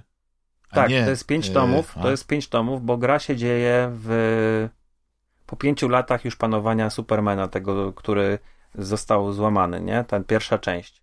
I Aha. pierwszy tom opowiada o tym, jak doszło do tego złamania i że Batman e, tworzy powiedzmy ruch oporu, a e, Superman tworzy faszystowski, nie wiem, ciężko to powiedzieć, faszystowski, ale e, rząd światowy, który opiera się na, na tym, że Superman sprawuje pełną kontrolę i, i wysługuje się Ligą Sprawiedliwości. E, koniec wojen, generalnie, nie, pełna inwigilacja. Mm, I to, takie jest Injustice, że gdzieś tam każdy próbuje się temu Supermanowi przeciwstawić. Batman co chwilę ma jakiś plan, a to próbuje użyć magii, a to próbuje z, w takim zawoławany sposób zwrócić e, Atlantydę przeciwko e, Amazonkom i a to wciąga w siły kosmiczne w to. To także no myślę, że to, ten Injustice jest takim bardzo rozrywkowym e, komiksem, który mm, jest, e, opiera się bardziej na scenkach, e, czyli gdzieś tam e, takich zapadających w pamięć niż e, super scenariuszu. E, tam jest też takie, że jest wytłumaczone, dlaczego w grze komputerowej może się bić Robin z Supermanem, bo Lex Luthor jest w tym komiksie poplecznikiem Supermana e, i opracowuje dzięki temu, że ma z nim taki stały kontakt, opracowuje pewnego rodzaju tabletkę, która daje na trochę siłę tego Supermana. Dlatego te wszystkie postaci w grze mogą się poradzić, są równe sobie. Mhm. Gra ma w ogóle w kapitalną fabułę. Znaczy, ja byłem przekonany, że to jest taki, wiesz, to jest taka biatyka, gdzie ta fabuła jest tak na siłę, nie? Żeby ten, mhm. ale powiem tak, bo przyglądałem się, jak ktoś grał. Nie, już nie chcę mówić, bo ta gra nie jest dla, dla młodych ludzi. I powiem ci, że no te twisty, te zwroty akcji, bo to wiesz, musisz mieć wytłumaczone, dlaczego akad ci byli teraz tutaj, e, stali ramię w ramię, a nagle teraz muszą się klepać, nie? Wiesz, i, i no to mi się wszystko podobało. Jeszcze tak fajnie jest wyreżyserowane. Oczywiście, to jest kino superbohaterskie, ale szczerze mówiąc... Robione to... przez ludzi z, od Mortal Kombat, nie? To też warto tak, podkreślić. Tak, tak, tak, tak. A oni w, specjalizują się w tych fabułach, nie? I ja wiedziałem, że Mortal Kombat ma bardzo ciekawą fabułę, tam wszystko też jest takie filmowe, że właściwie to jest taki film, który można obejrzeć, a te walki są na, do, na, na dokładkę. No to tutaj też to Injustice. Nawet mnie tak wzięło, żeby po prostu poszukać tego pierwszego Injustice, e, bo chyba wiem, że jakiś był remaster, który jest na, chyba na PlayStation 4 i, i, i i zobacz, jak to tam się wzięło. Ostatnio skończyło się tym, że kupiłem paperbacka, no nie, którego jeszcze nie przeczytałem, bo to jest taki e, prezent na święta. E, mhm. I on jest taki gruby, no, na, na kciuka, więc domyślam się, że to są te, to jest ten prolog, o którym mówiłeś, że to są te zawsze te... E, znaczy, to te jest pięć grubych tomów, bo każdy e, każdy tom ma 12 zeszytów, czyli tego jest 60 zeszytów e, Injustice, wow. tego pięcioletniego prologu do gry. Okej, okay, to już chyba odpadłem. E, a, ale czyta się to błyskawicznie, to jest jeden wieczór, to jest, wiesz, to jest cały czas akcja, dobrze rysowana akcja, to, to jest... E, to, I tak samo Deceased, o którym teraz za chwilę powiem, e, to Deceased jest rysowane mm, w taki sposób, że to jest nie spada po, po, poniżej poziomu ongoingu Batmana czy jakiegokolwiek innego, nie? Tam, tam nie ma za bardzo miejsca na eksperyment, wszystko jest bardzo utrzymane w jednym tonie i bardzo czytelne i bardzo ładne. E, to, to, to mimo, że to ma już parę lat na karku, to tam, tam nie, ani w kolorowaniu, ani w mm, narracji tam nie ma jakiejś takiej zgrzytu. Narracja u King, e, tego, u Taylora wygląda w ten sposób, że on opowiada losy kilku albo nawet kilkunastu postaci naraz w takich krótkich scenkach i one się łączą w pewnym momencie. Jest, jest generalnie jakiś tam twist. E, I tak samo Deceased. Deceased jest historią e, równania antyżycia. Coś takiego istnieje w, w świecie DC. O tym był komiks e, Kosmiczna Odyseja, napisany przez Starlina, rysowany przez Mike'a Magnola w latach 80. I to równanie antyżycia to jest e, coś, co jak poznasz, to po prostu tak jak to jest odwrotność życia, wszyscy umierają. I, I, jakimś tam dziwnym trafem dzieje się tak, że to zostaje połączone, to równanie zostaje połączone z cyborgiem, który jest organizmem żywym i tym cybernetycznym, więc tak jak w, w książce Komórka Kinga, e, ludzie, którzy mają jakieś urządzenie elektroniczne albo zarażą się krwią do, e, od zarażonego, czyli tak jak wirus zombie, zaczynają mordować innych, nie? I, e, DC's to jest historia właśnie e, walki o ocalałych ludzi, o walki o, o ziemię. To są cztery tomy mm, i to jest taki to jest taki ciekawy komiks, dlatego że on pokazuje y, śmierci postaci, które, które normalnie są nie do ruszenia, nie? Tam zobaczysz śmierć y, Batmana i Batrodzina się tam w ogóle dzieją straszne rzeczy y, z Batrodziną, a to też ma takie fajne, fajne rozdziały, na przykład Niezniszczalnie jest taki drugi tom, gdzie masz normalnie scenariusz filmu o zombie, tylko że bohaterami są złole. I oni trafiają do sierocińca i ich główną misją jest te dzieciaki bronić przed hordami zombich i stwierdzają w pewnym momencie, że muszą e, te dzieciaki wywieźć w bezpieczne miejsce. Mm, także wiesz, e, to Deceased mamy, mamy w tym momencie w Polsce cztery albumy i teraz chyba będzie już końcówka. E, nie wiem, czy w Stanach to już wychodzi, czy to już wyszło w integralu jakimś i będzie piąty, który będzie chyba zamykał tą sagę. Ja osobiście uważam, że Deceased jest zdecydowanie lepsze niż Marvel Zombies, które tam chyba Miller pisał e, dla Marvela, gdzie wszyscy po prostu zamieniali się w zombie, latali po kosmosie i zjadali wszystko. No to dla mnie Deceased ma vibe takiego właśnie filmu lat, e, z filmu zombie, lata 90., 2000, te takie typu świt żywych trupów, e, te, tego typu filmów, nie? E, bardzo fajna rzecz, ale to, to nie jest nic jakiegoś szalenia bitnego. Mm. Ale dobra rozrywka. Tak. Cztery tomy. Myślę, że w jakiejś promocji to jeszcze dostaniecie to gdzieś tam w takiej przyzwoitej cenie. A, jeżeli z Batmana, no to ja bym polecił komiks trochę bez Batmana, bo ostatnio przeczytałem rzecz i tą premierę jesienną bo gdzieś te takie gruba, grubasy typu e, Batman Epidemia, czy Batman Dziedzictwo, czy teraz ten pierwszy, pierwsza część e, No Man's Land, Ziemi Niczyjej, e, no to, to rzeczywiście kupuję cały czas, ale to są rzeczy stare i tak powiem szczerze, że po tym Night, e, Nightfallu, po tych pięciu księgach, takich grubasach, to trochę jestem momentami mocniej rozczarowany e, epidemią na przykład, nie? że trochę jest, trochę jest nudna. Dziedzictwo również. E, a, a wam poleciłbym e, Catwoman Samotne Miasto, które jest e, fajnym wydanym komiksem, bo ono jest w tym takim powiększonym formacie E, to jest też Black Label. Jest powiększony format, taki e, też twarda oprawa i bardzo, bardzo ładne ilustracje Cliffa Chianga, który też ten komiks napisał. To jest jego autorski projekt, nad którym on siedział parę lat. I to są, mm, to jest historia 50-letniej Catwoman, która wychodzi z, z Blackgate.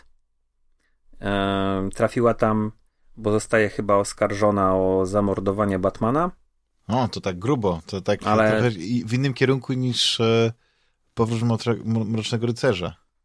Tak. I ona mm, trafia do miasta, które jest rządzone przez... E, burmistrzem jest Two-Face, ale jest tym dobrym Harveyem Dentem. E, i, i, i tworzy z Gota miasto policyjne, gdzie rzeczywiście ta przestępczość spadła. Ci przestępcy to są albo już na emeryturach, albo jakimś po prostu e, pozamykani, albo nie żyją. I ona postanawia zorganizować ostatni skok.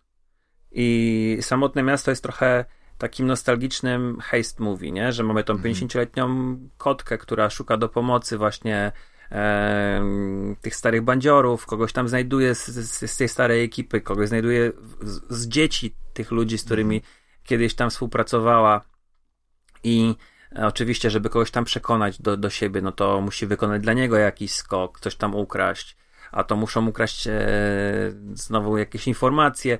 Także jest, jest to, to komiks e, takiej sensacji, bardzo ładnie narysowany. Mm, bardzo ma... fajną okładkę, bo okładka ma te wszystkie takie znane w popkulturze wersje Catwoman.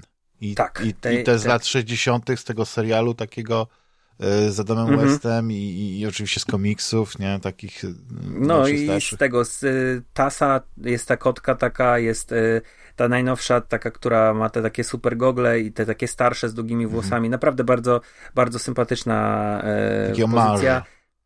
I to jest, yy, widać, że to jest wszystko przemyślane. Dla mnie, yy, znaczy ja się spotkałem bardzo z takim dziwnym osądem tego komiksu, że on, on wprowadza bardzo dużo rzeczy, a później taki ma yy, taką końcówkę, ma jaką ma. Mm, no ale prawda jest taka, że dla mnie to jest y, fajny komiks właśnie, który nie jest takim który ma, bo on się skupia na Catwoman, nie? Tak jak tak. jest Catwoman w tytule, to on się skupia na Catwoman i trochę y, jasne, ten świat jest zarysowany, ale on w pewnym momencie, ten, ten, ten świat przedstawiony przestaje się rozwijać i skupiamy się na tu i teraz i nie, nie wiemy, co się dzieje z innymi superbohaterami, nie wiemy, wiesz, yy, nie wiemy, co, co konkretnie się dzieje, nie wiem, z kimś tam, nie?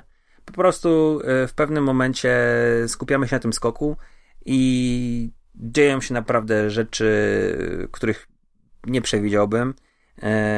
Ten ciąg ma taki styl trochę znowu korespondujący z Cookiem, a ja bardzo lubię po prostu go i wybieram komiksy wizualnie, które tam są dla mnie interesujące, to gdzieś tam trafiam cały czas na to. On ma też trochę Steama Sale, ale też dużo swojego, e, ma bardzo dużo szczegółów w swoich rysunkach, dos doskonale oddaje ruch. Te postacie mają fajną mikę, naprawdę też e, dobrze czuje wszystkie plany, nie? Czyli dobrze przedstawia tą postać, e, tak wiesz, jak jest jeden kadr, ale też gdzieś tam w tle się prze, prze, przewijają jacyś inni ludzie, to on też to dobrze zrobi. No i ma, moim zdaniem, ma bardzo dobrze pisze, bo ma bardzo dobry humor. Lekki, to nie jest yy, żenujący żart, to jest, to jest fajny żart. I ten komiks jest utrzymany też w takim klimacie sensacyjnym. Także tutaj chyba mm, ode mnie w tym roku więcej sensacji yy, niż, niż, yy, niż jakichś takich jakichś horrorów czy coś, ale na pewno też warto zwrócić uwagę na komiks, którego jeszcze nie czytałem. Festiwal, on jest nominowany do paszportu polityki. E, to jest, wydaje mi się, ciekawa rzecz. Festiwal e, z autorem? Ojejku. E, kto jest autorem. Mm, ten, co tutaj e, wcześniej robił wyprawę, ekspedycję, kurde, czy ja mam jego komiks gdzieś na wierzchu? Nie, bo jak piszę e, festiwal komiks, to mi znajdzie, wiesz, jakiś festiwal komiksu. I dlatego pytam o, o autora, żeby było łatwiej go wy, wygooglać, ale jeśli, jeśli ten, jeśli, jeśli, jeśli e, najwyżej chcesz później znaleźć, to ja, go, ja mogę w opisie odcinka dodać ten ten, E, nie, poczekaj, zaraz powiem, e, co to jest, bo to, to wydaje mi się, że e, spokojnie znajdzie e, Jacek Świdziński.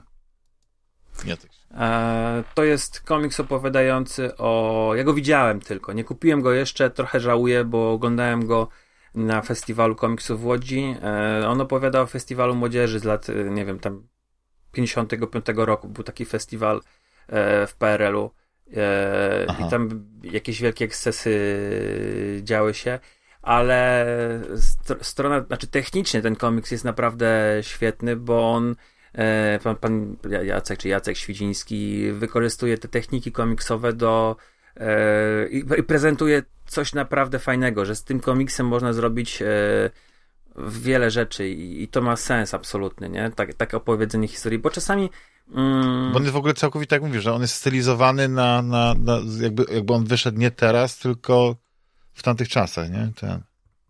Chyba, że on wyszedł tak. w tamtych czasach i ja się ten... Nie. Kultura gniewu. Tak. Nie, nie, nie, to jest... Nie, w tym roku go wydano, tak, 2023, tak, tak, tak, tak. Nie, bo patrzę na tą okładkę, ta okładka wygląda jak te, nie wiem, okładki przeglądów, yy, albo jakiś tam przekrojów. Tak, przekrojów, tak. I on, on jest bardzo...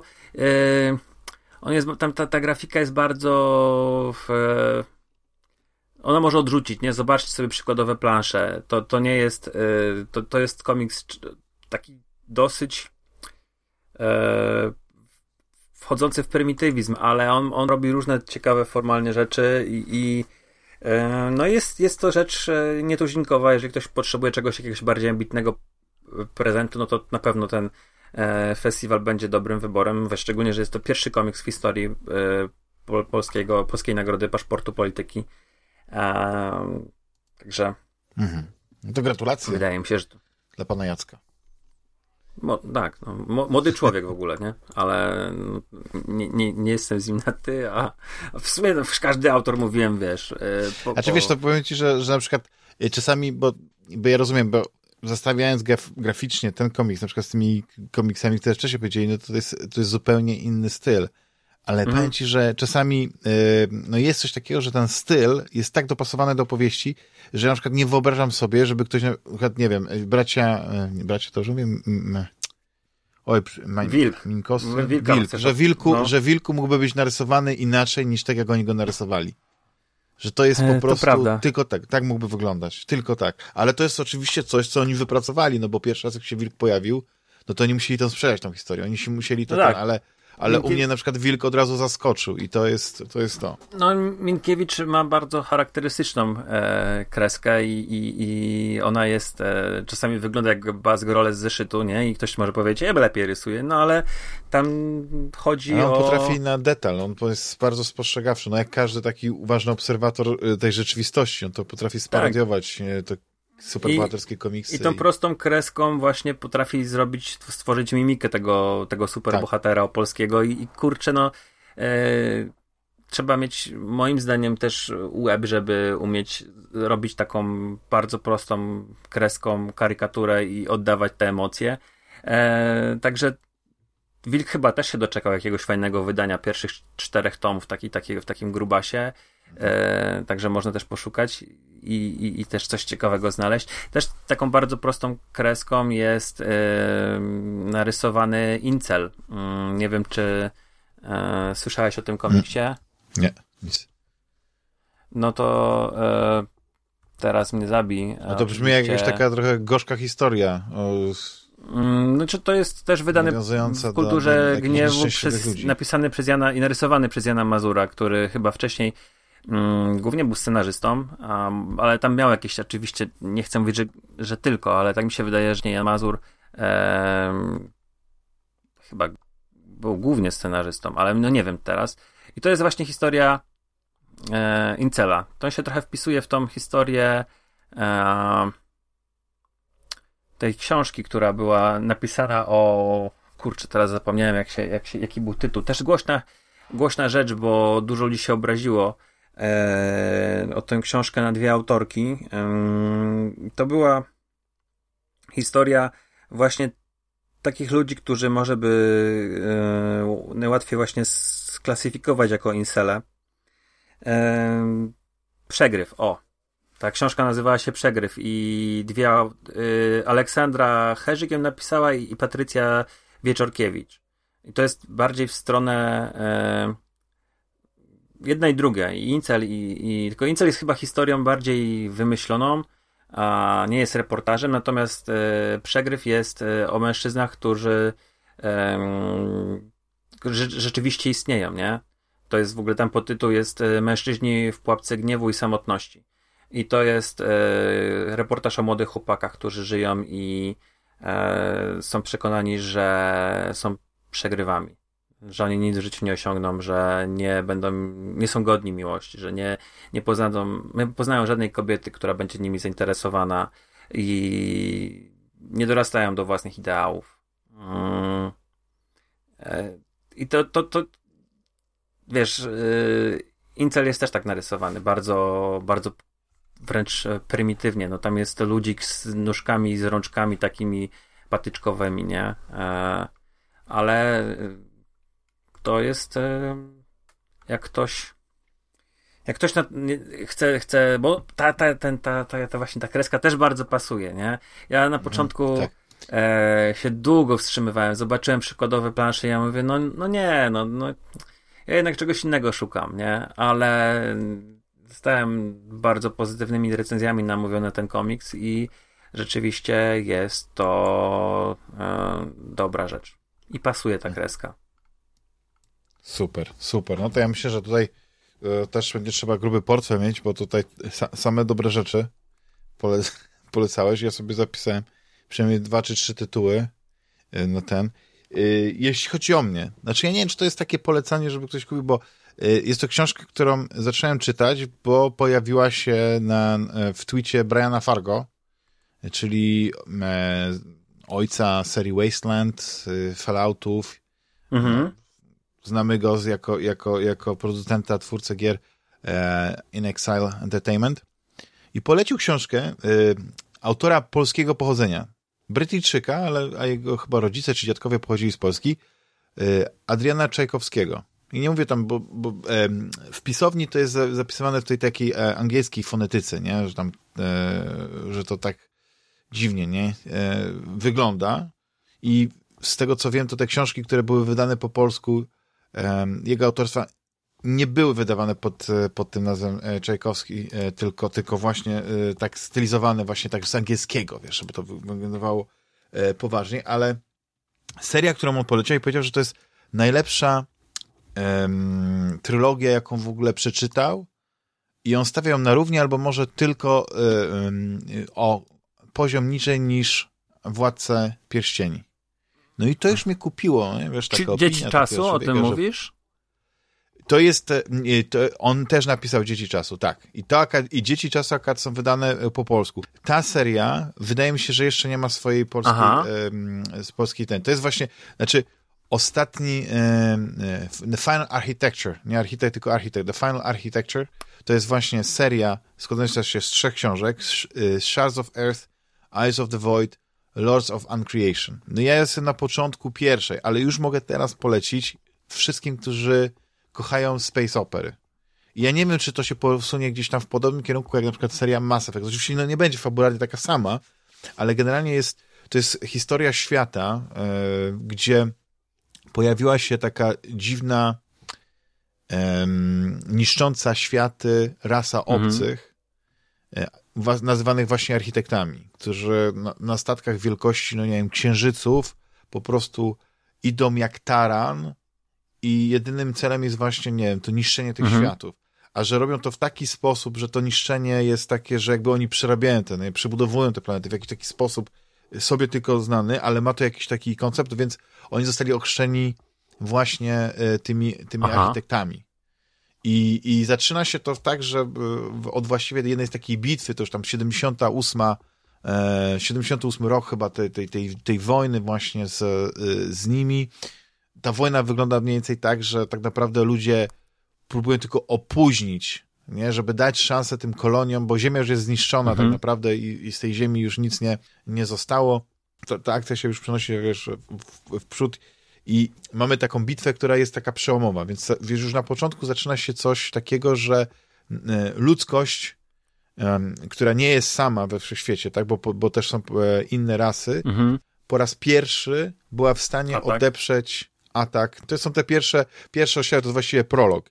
E, ta historia zaczyna się dziać tam ileś tam lat później, gdzie jest pokazana z perspektywy dwóch postaci. Nie, tam właśnie jednej z, tak, z bohaterek, Soles, która jest z jakiegoś takiego zakonu e, właśnie takich wojowniczek. E, e, jeszcze nie zgłębiałem się w tę ten, ten, historię tego, uh-huh. tego lore tego świata, nie? bo ja, ja sobie tam gdzieś doczytałem, że one w ogóle to są że to, był, że to był jakiś taki oddział właśnie, że to taki, taka załoga takiego jednego z tych takich statków bojowych, które brały udział w tej bitwie, składające się z samych kobiet, no nie? Tam nie chcę tutaj za bardzo zdradzać, kim one były i tak dalej, bo to jest, to jest w sumie ciekawy twist. I właśnie po raz pierwszy w tej, tej bitwie okazało się, że, mają, że ludzkość ma jakąś broń, tajną broń. I co ciekawe, no to akad, to wynika, to, tak mówię, no z, prologu, więc nie jest dużo. Tak? Okazuje się, że to jest pewna istota, która w jakimś stopniu była w stanie jak właśnie no, najpierw wpłynąć na, na, na a później jakby nawet w jakiś stopniu zniszczyć, nie? I po tej bitwie takiej kluczowej nagle ci architekci, wiesz, wycofali się, że jakby wojna się skończyła nie dlatego, że oni ich pokonali, tylko że po prostu oni przestali atakować. Jest jakiś taki moment takiej ciszy i przetasowania takiego na, te, na tym świecie i to się czyta naprawdę jako taką e, powieść, no właśnie e, space opera, science fiction, gdzie, gdzie mamy przedstawiony w ogóle, jak to, jak to w, w dobrej takiej klasycznej przygodowej historii, drużynę składającą się właśnie z różnych takich charakterów, no nie, bardzo ciekawie opisanych i muszę przyznać, że mm, choć no nie mogę wyrazić się, wiesz, tak ostatecznie, czy to naprawdę będzie E, u mnie tak wysoko jak u Briana Fargo, ale tak mnie to zaciekawiło i to, że to jest taka space opera i tak dobra, tak, tak dobrze się czyta, że, że muszę przyznać, że się wciągnąłem.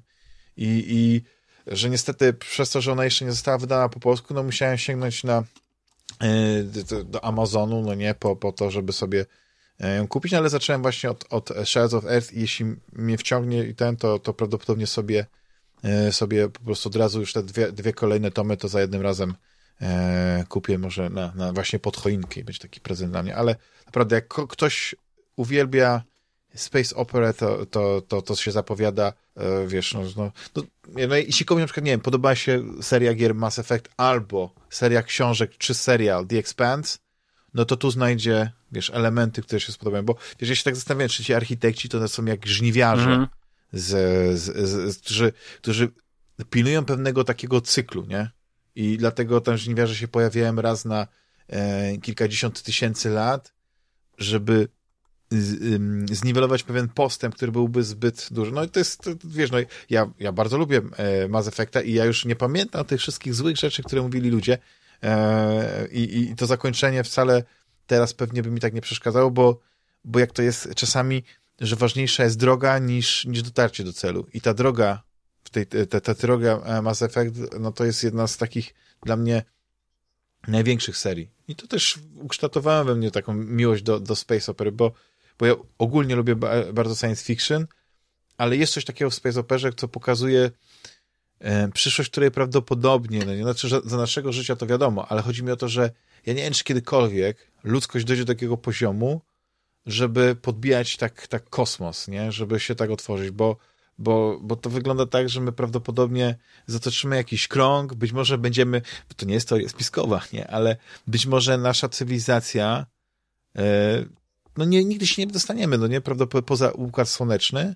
I ona po tych tam ilość tam milionów lat, tak jak po dinozaurach, zostaną po nas tylko kości i przyjdzie następna, może następna będzie miała większą szansę, nie, cholera wie, ale, ale jest coś takiego właśnie w, w Space Operze, która pokazuje ten rozmach, co by było, gdyby właśnie e, wszechświat udało się okiełznać i, i, i, e, i zdominować i te kolonie wszystkie, ten, ten świat, no naprawdę e, e, no czyta się to świetnie i dodatkowo jeszcze no, sam fakt, że to jednak e, gdzieś tam jakaś e, po części polska krew wpłynie w tym autorze, to, to, to jakiś dodaje smaczek, a mm, ta, ta, ta seria chyba nawet dostała jakąś nagrodę mhm. nie, z, z, swego czasu.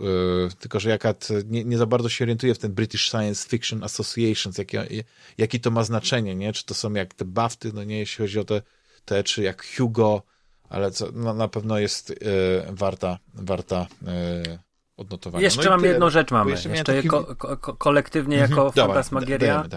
E, jeżeli mhm. słuchacie tego premierowo, to prawdopodobnie ostatnie dni są, żeby kupić pakiet z Humble Bundle Magnoli, cała, całość Hellboya.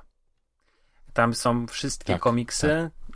Spinające opowieść o Hellboyu. Są specjały lektur, te świąteczne, więc możecie mieć lekturę taką świąteczną z legendami, folk, folklorem świątecznym.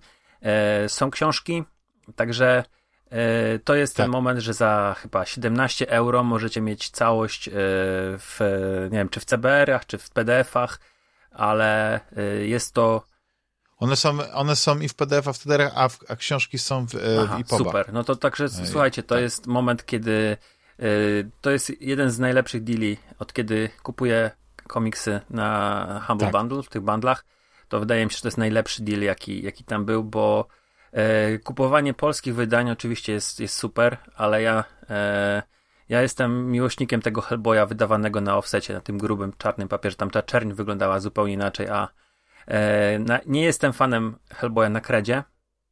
I mimo, że mam mhm. te oczywiście zbiorcze wydania, ale ja mam, ja mam chyba to wydanie, które, o którym ty mówisz, bo ono jest tak fajnie wydane, znaczy ja mam tylko nasienie zniszczenia. Pierwsze, tym, takie, tym, pierwszy, pierwszy, pierwsze wydanie Egmontu. Tak. Taka zwykła, grubsza e, okładka i w środku jest e, nie kreda, tylko zwykły papier. Ta czerń jest taka inna tak. i ja bardzo lubię wracać do, do nasienia zniszczenia i do e, tych pierwszych albumów, które mam, Spętane trumny, e, Prawa ręka zniszczenia, do tych pierwszych wydań, ale mówię, e, to kupowanie Hellboya po polsku e, jest, jest no to te, albumy są bardzo drogie i dlatego polecam wam, że mówię, mm. za 17 mhm. euro możecie mieć absolutnie wszystko, jeżeli wam nie przeszkadza czytanie po tak, angielsku tak, tak. I macie na czym czytać, to, to jest e, to na pewno fajny zakup. Tak, ja przypominałem o tym i na Twitterze tak. i, i na, na, na grupie, więc tutaj taki dodatkowy przypominajka, jak przegapicie, to to jesteście gapy, bo to jest naprawdę, no tak powiedzieć, świetny I to jest deal. fajny prezent dla siebie, e... można zrobić. Tak, tak, tak, tak, tak, tak, tak. Bo tak patrzę, czy tam jeszcze było e, oprócz tego Hellboya, e, czy tutaj nie, ale nie, chyba nie ma tego biura. Nie, be, nie ma, nie ma, nie ma.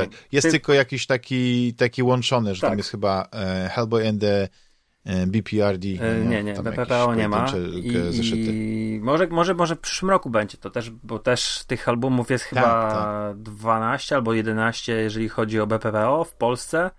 E, I tak. później mamy jeszcze trzy tomy Abe'a Sapiensa, mamy nie tak, wiem, czy no. Baltimore no. też jest, jest, jest, także Homer Johnson jest, także tego, tych, tych y, no, no narobił, e, napisał no. tych scenariuszy sporo. Ja to żałuję strasznie, że, że tego Hellboya e, Guillermo del Toro mogliśmy poznać tylko w dwóch odsłonach, że nigdy tej trzeciej części, czy tam kolejnych nie, nie nakręcił, i że nigdy nie udało się zrealizować w pełni tej wizji, chyba że to była jego decyzja, bo nie wiem, czy widziałeś Nie była jego materiały... decyzja, to nie była jego decyzja, jemu nie pozwolili. E, nie znalazł Aha. producentów na to. Nie, czy Mignolia chyba się nawet nie, nie? Nie czy to nie było jakiegoś konfliktu z Mignolią może nawet? Nie wiem, nie umiem ci tego powiedzieć. Bo, bo no, ale bardziej mi chodziło też o to, że jest, bo w ogóle y, Hellboy ma świetne dodatki, jak ktoś ma na Blu-rayu czy na DVD tam tą edycję z dodatkami, to nie tylko e, komentarz reżysera, ale też usunięte sceny i tam ja nie wiem jak to się nazywało, ten targ niesamowitości, mhm. wiesz co, tam drugiej takie, części, takie no. są niesamowite, tak, są niesamowite sceny, które zostały wycięte, jak Abe po prostu pokazuje, jakim jest ninją, jakie tam są fantastyczne sceny walki, takie rzeczy z, z tym, co, co ostatecznie w jakimś takim minimalnym stopniu się przedostało do filmu. A, a naprawdę tam nie było wiele y, do, do, do dorzucenia, więc nie wiem, z czego to wynikło, że, że w końcu tak, wiesz, to wycięli. Ale, ale y, ja bardziej sobie cenię te, te, te, te Hellboye właśnie, te dwa, niż, niż tego nowego Hellboya, nie? Z, z, tym, z tym aktorem ze Stranger Things. Ojejku, zapomniałem jak się nazywa. Aktor. Co nie jest, nie, on nie jest złym filmem, ale jakoś tak ten David ha Harbour, ale już nie tak, kontynuujmy tak, tematu. Tak. Pożegnajmy tak. się. Drogi Rafale, dziękuję Ci serdecznie Tobie również za dziękuję. rozmowę. Ym, znaczy, pewnie jeszcze się będziemy słyszeć gdzieś tam, czy, na, y, czy poza antenią, czy, czy ten ale jakbyśmy to mieli nagrać ostatni raz przed świętami, to e, życzę Ci tak wszystkiego najlepszego, spokojnych, e, serdecznych, e, dobrze spędzonych świąt w, w gronie najbliższym i, i, i, i żeby się wszystko układało tak, jak, jakbyś sobie życzył. No. I naszym drogim słuchaczom też oczywiście wszystkiego najlepszego życzę. Pamiętajcie, że, że wasze mm, dobre słowo, wasze, wasze komentarze, wasze polecajcie y, wpływa pozytywnie też na nasz nastrój i, i z tego się bardzo cieszę. Tak. Yy, dzięki Damian. Tobie również wszystkiego dobrego, zdrowych, rodzinnych świąt. Może się jeszcze uda usłyszeć, nawet jakiś krótki specjal tak. nagrać tam. Eee, I słuchaczom, jeżeli... Jakieś łamanie łopatkiem. Łopatką się możemy Opłatki. połamać, tak. Yy... Może być jajeczko, bo ważna jest tradycja. Dokładnie. Dobra. To do usłyszenia. Dziękuję. Dzięki. I do usłyszenia. Cześć. Cześć. Hej, hej.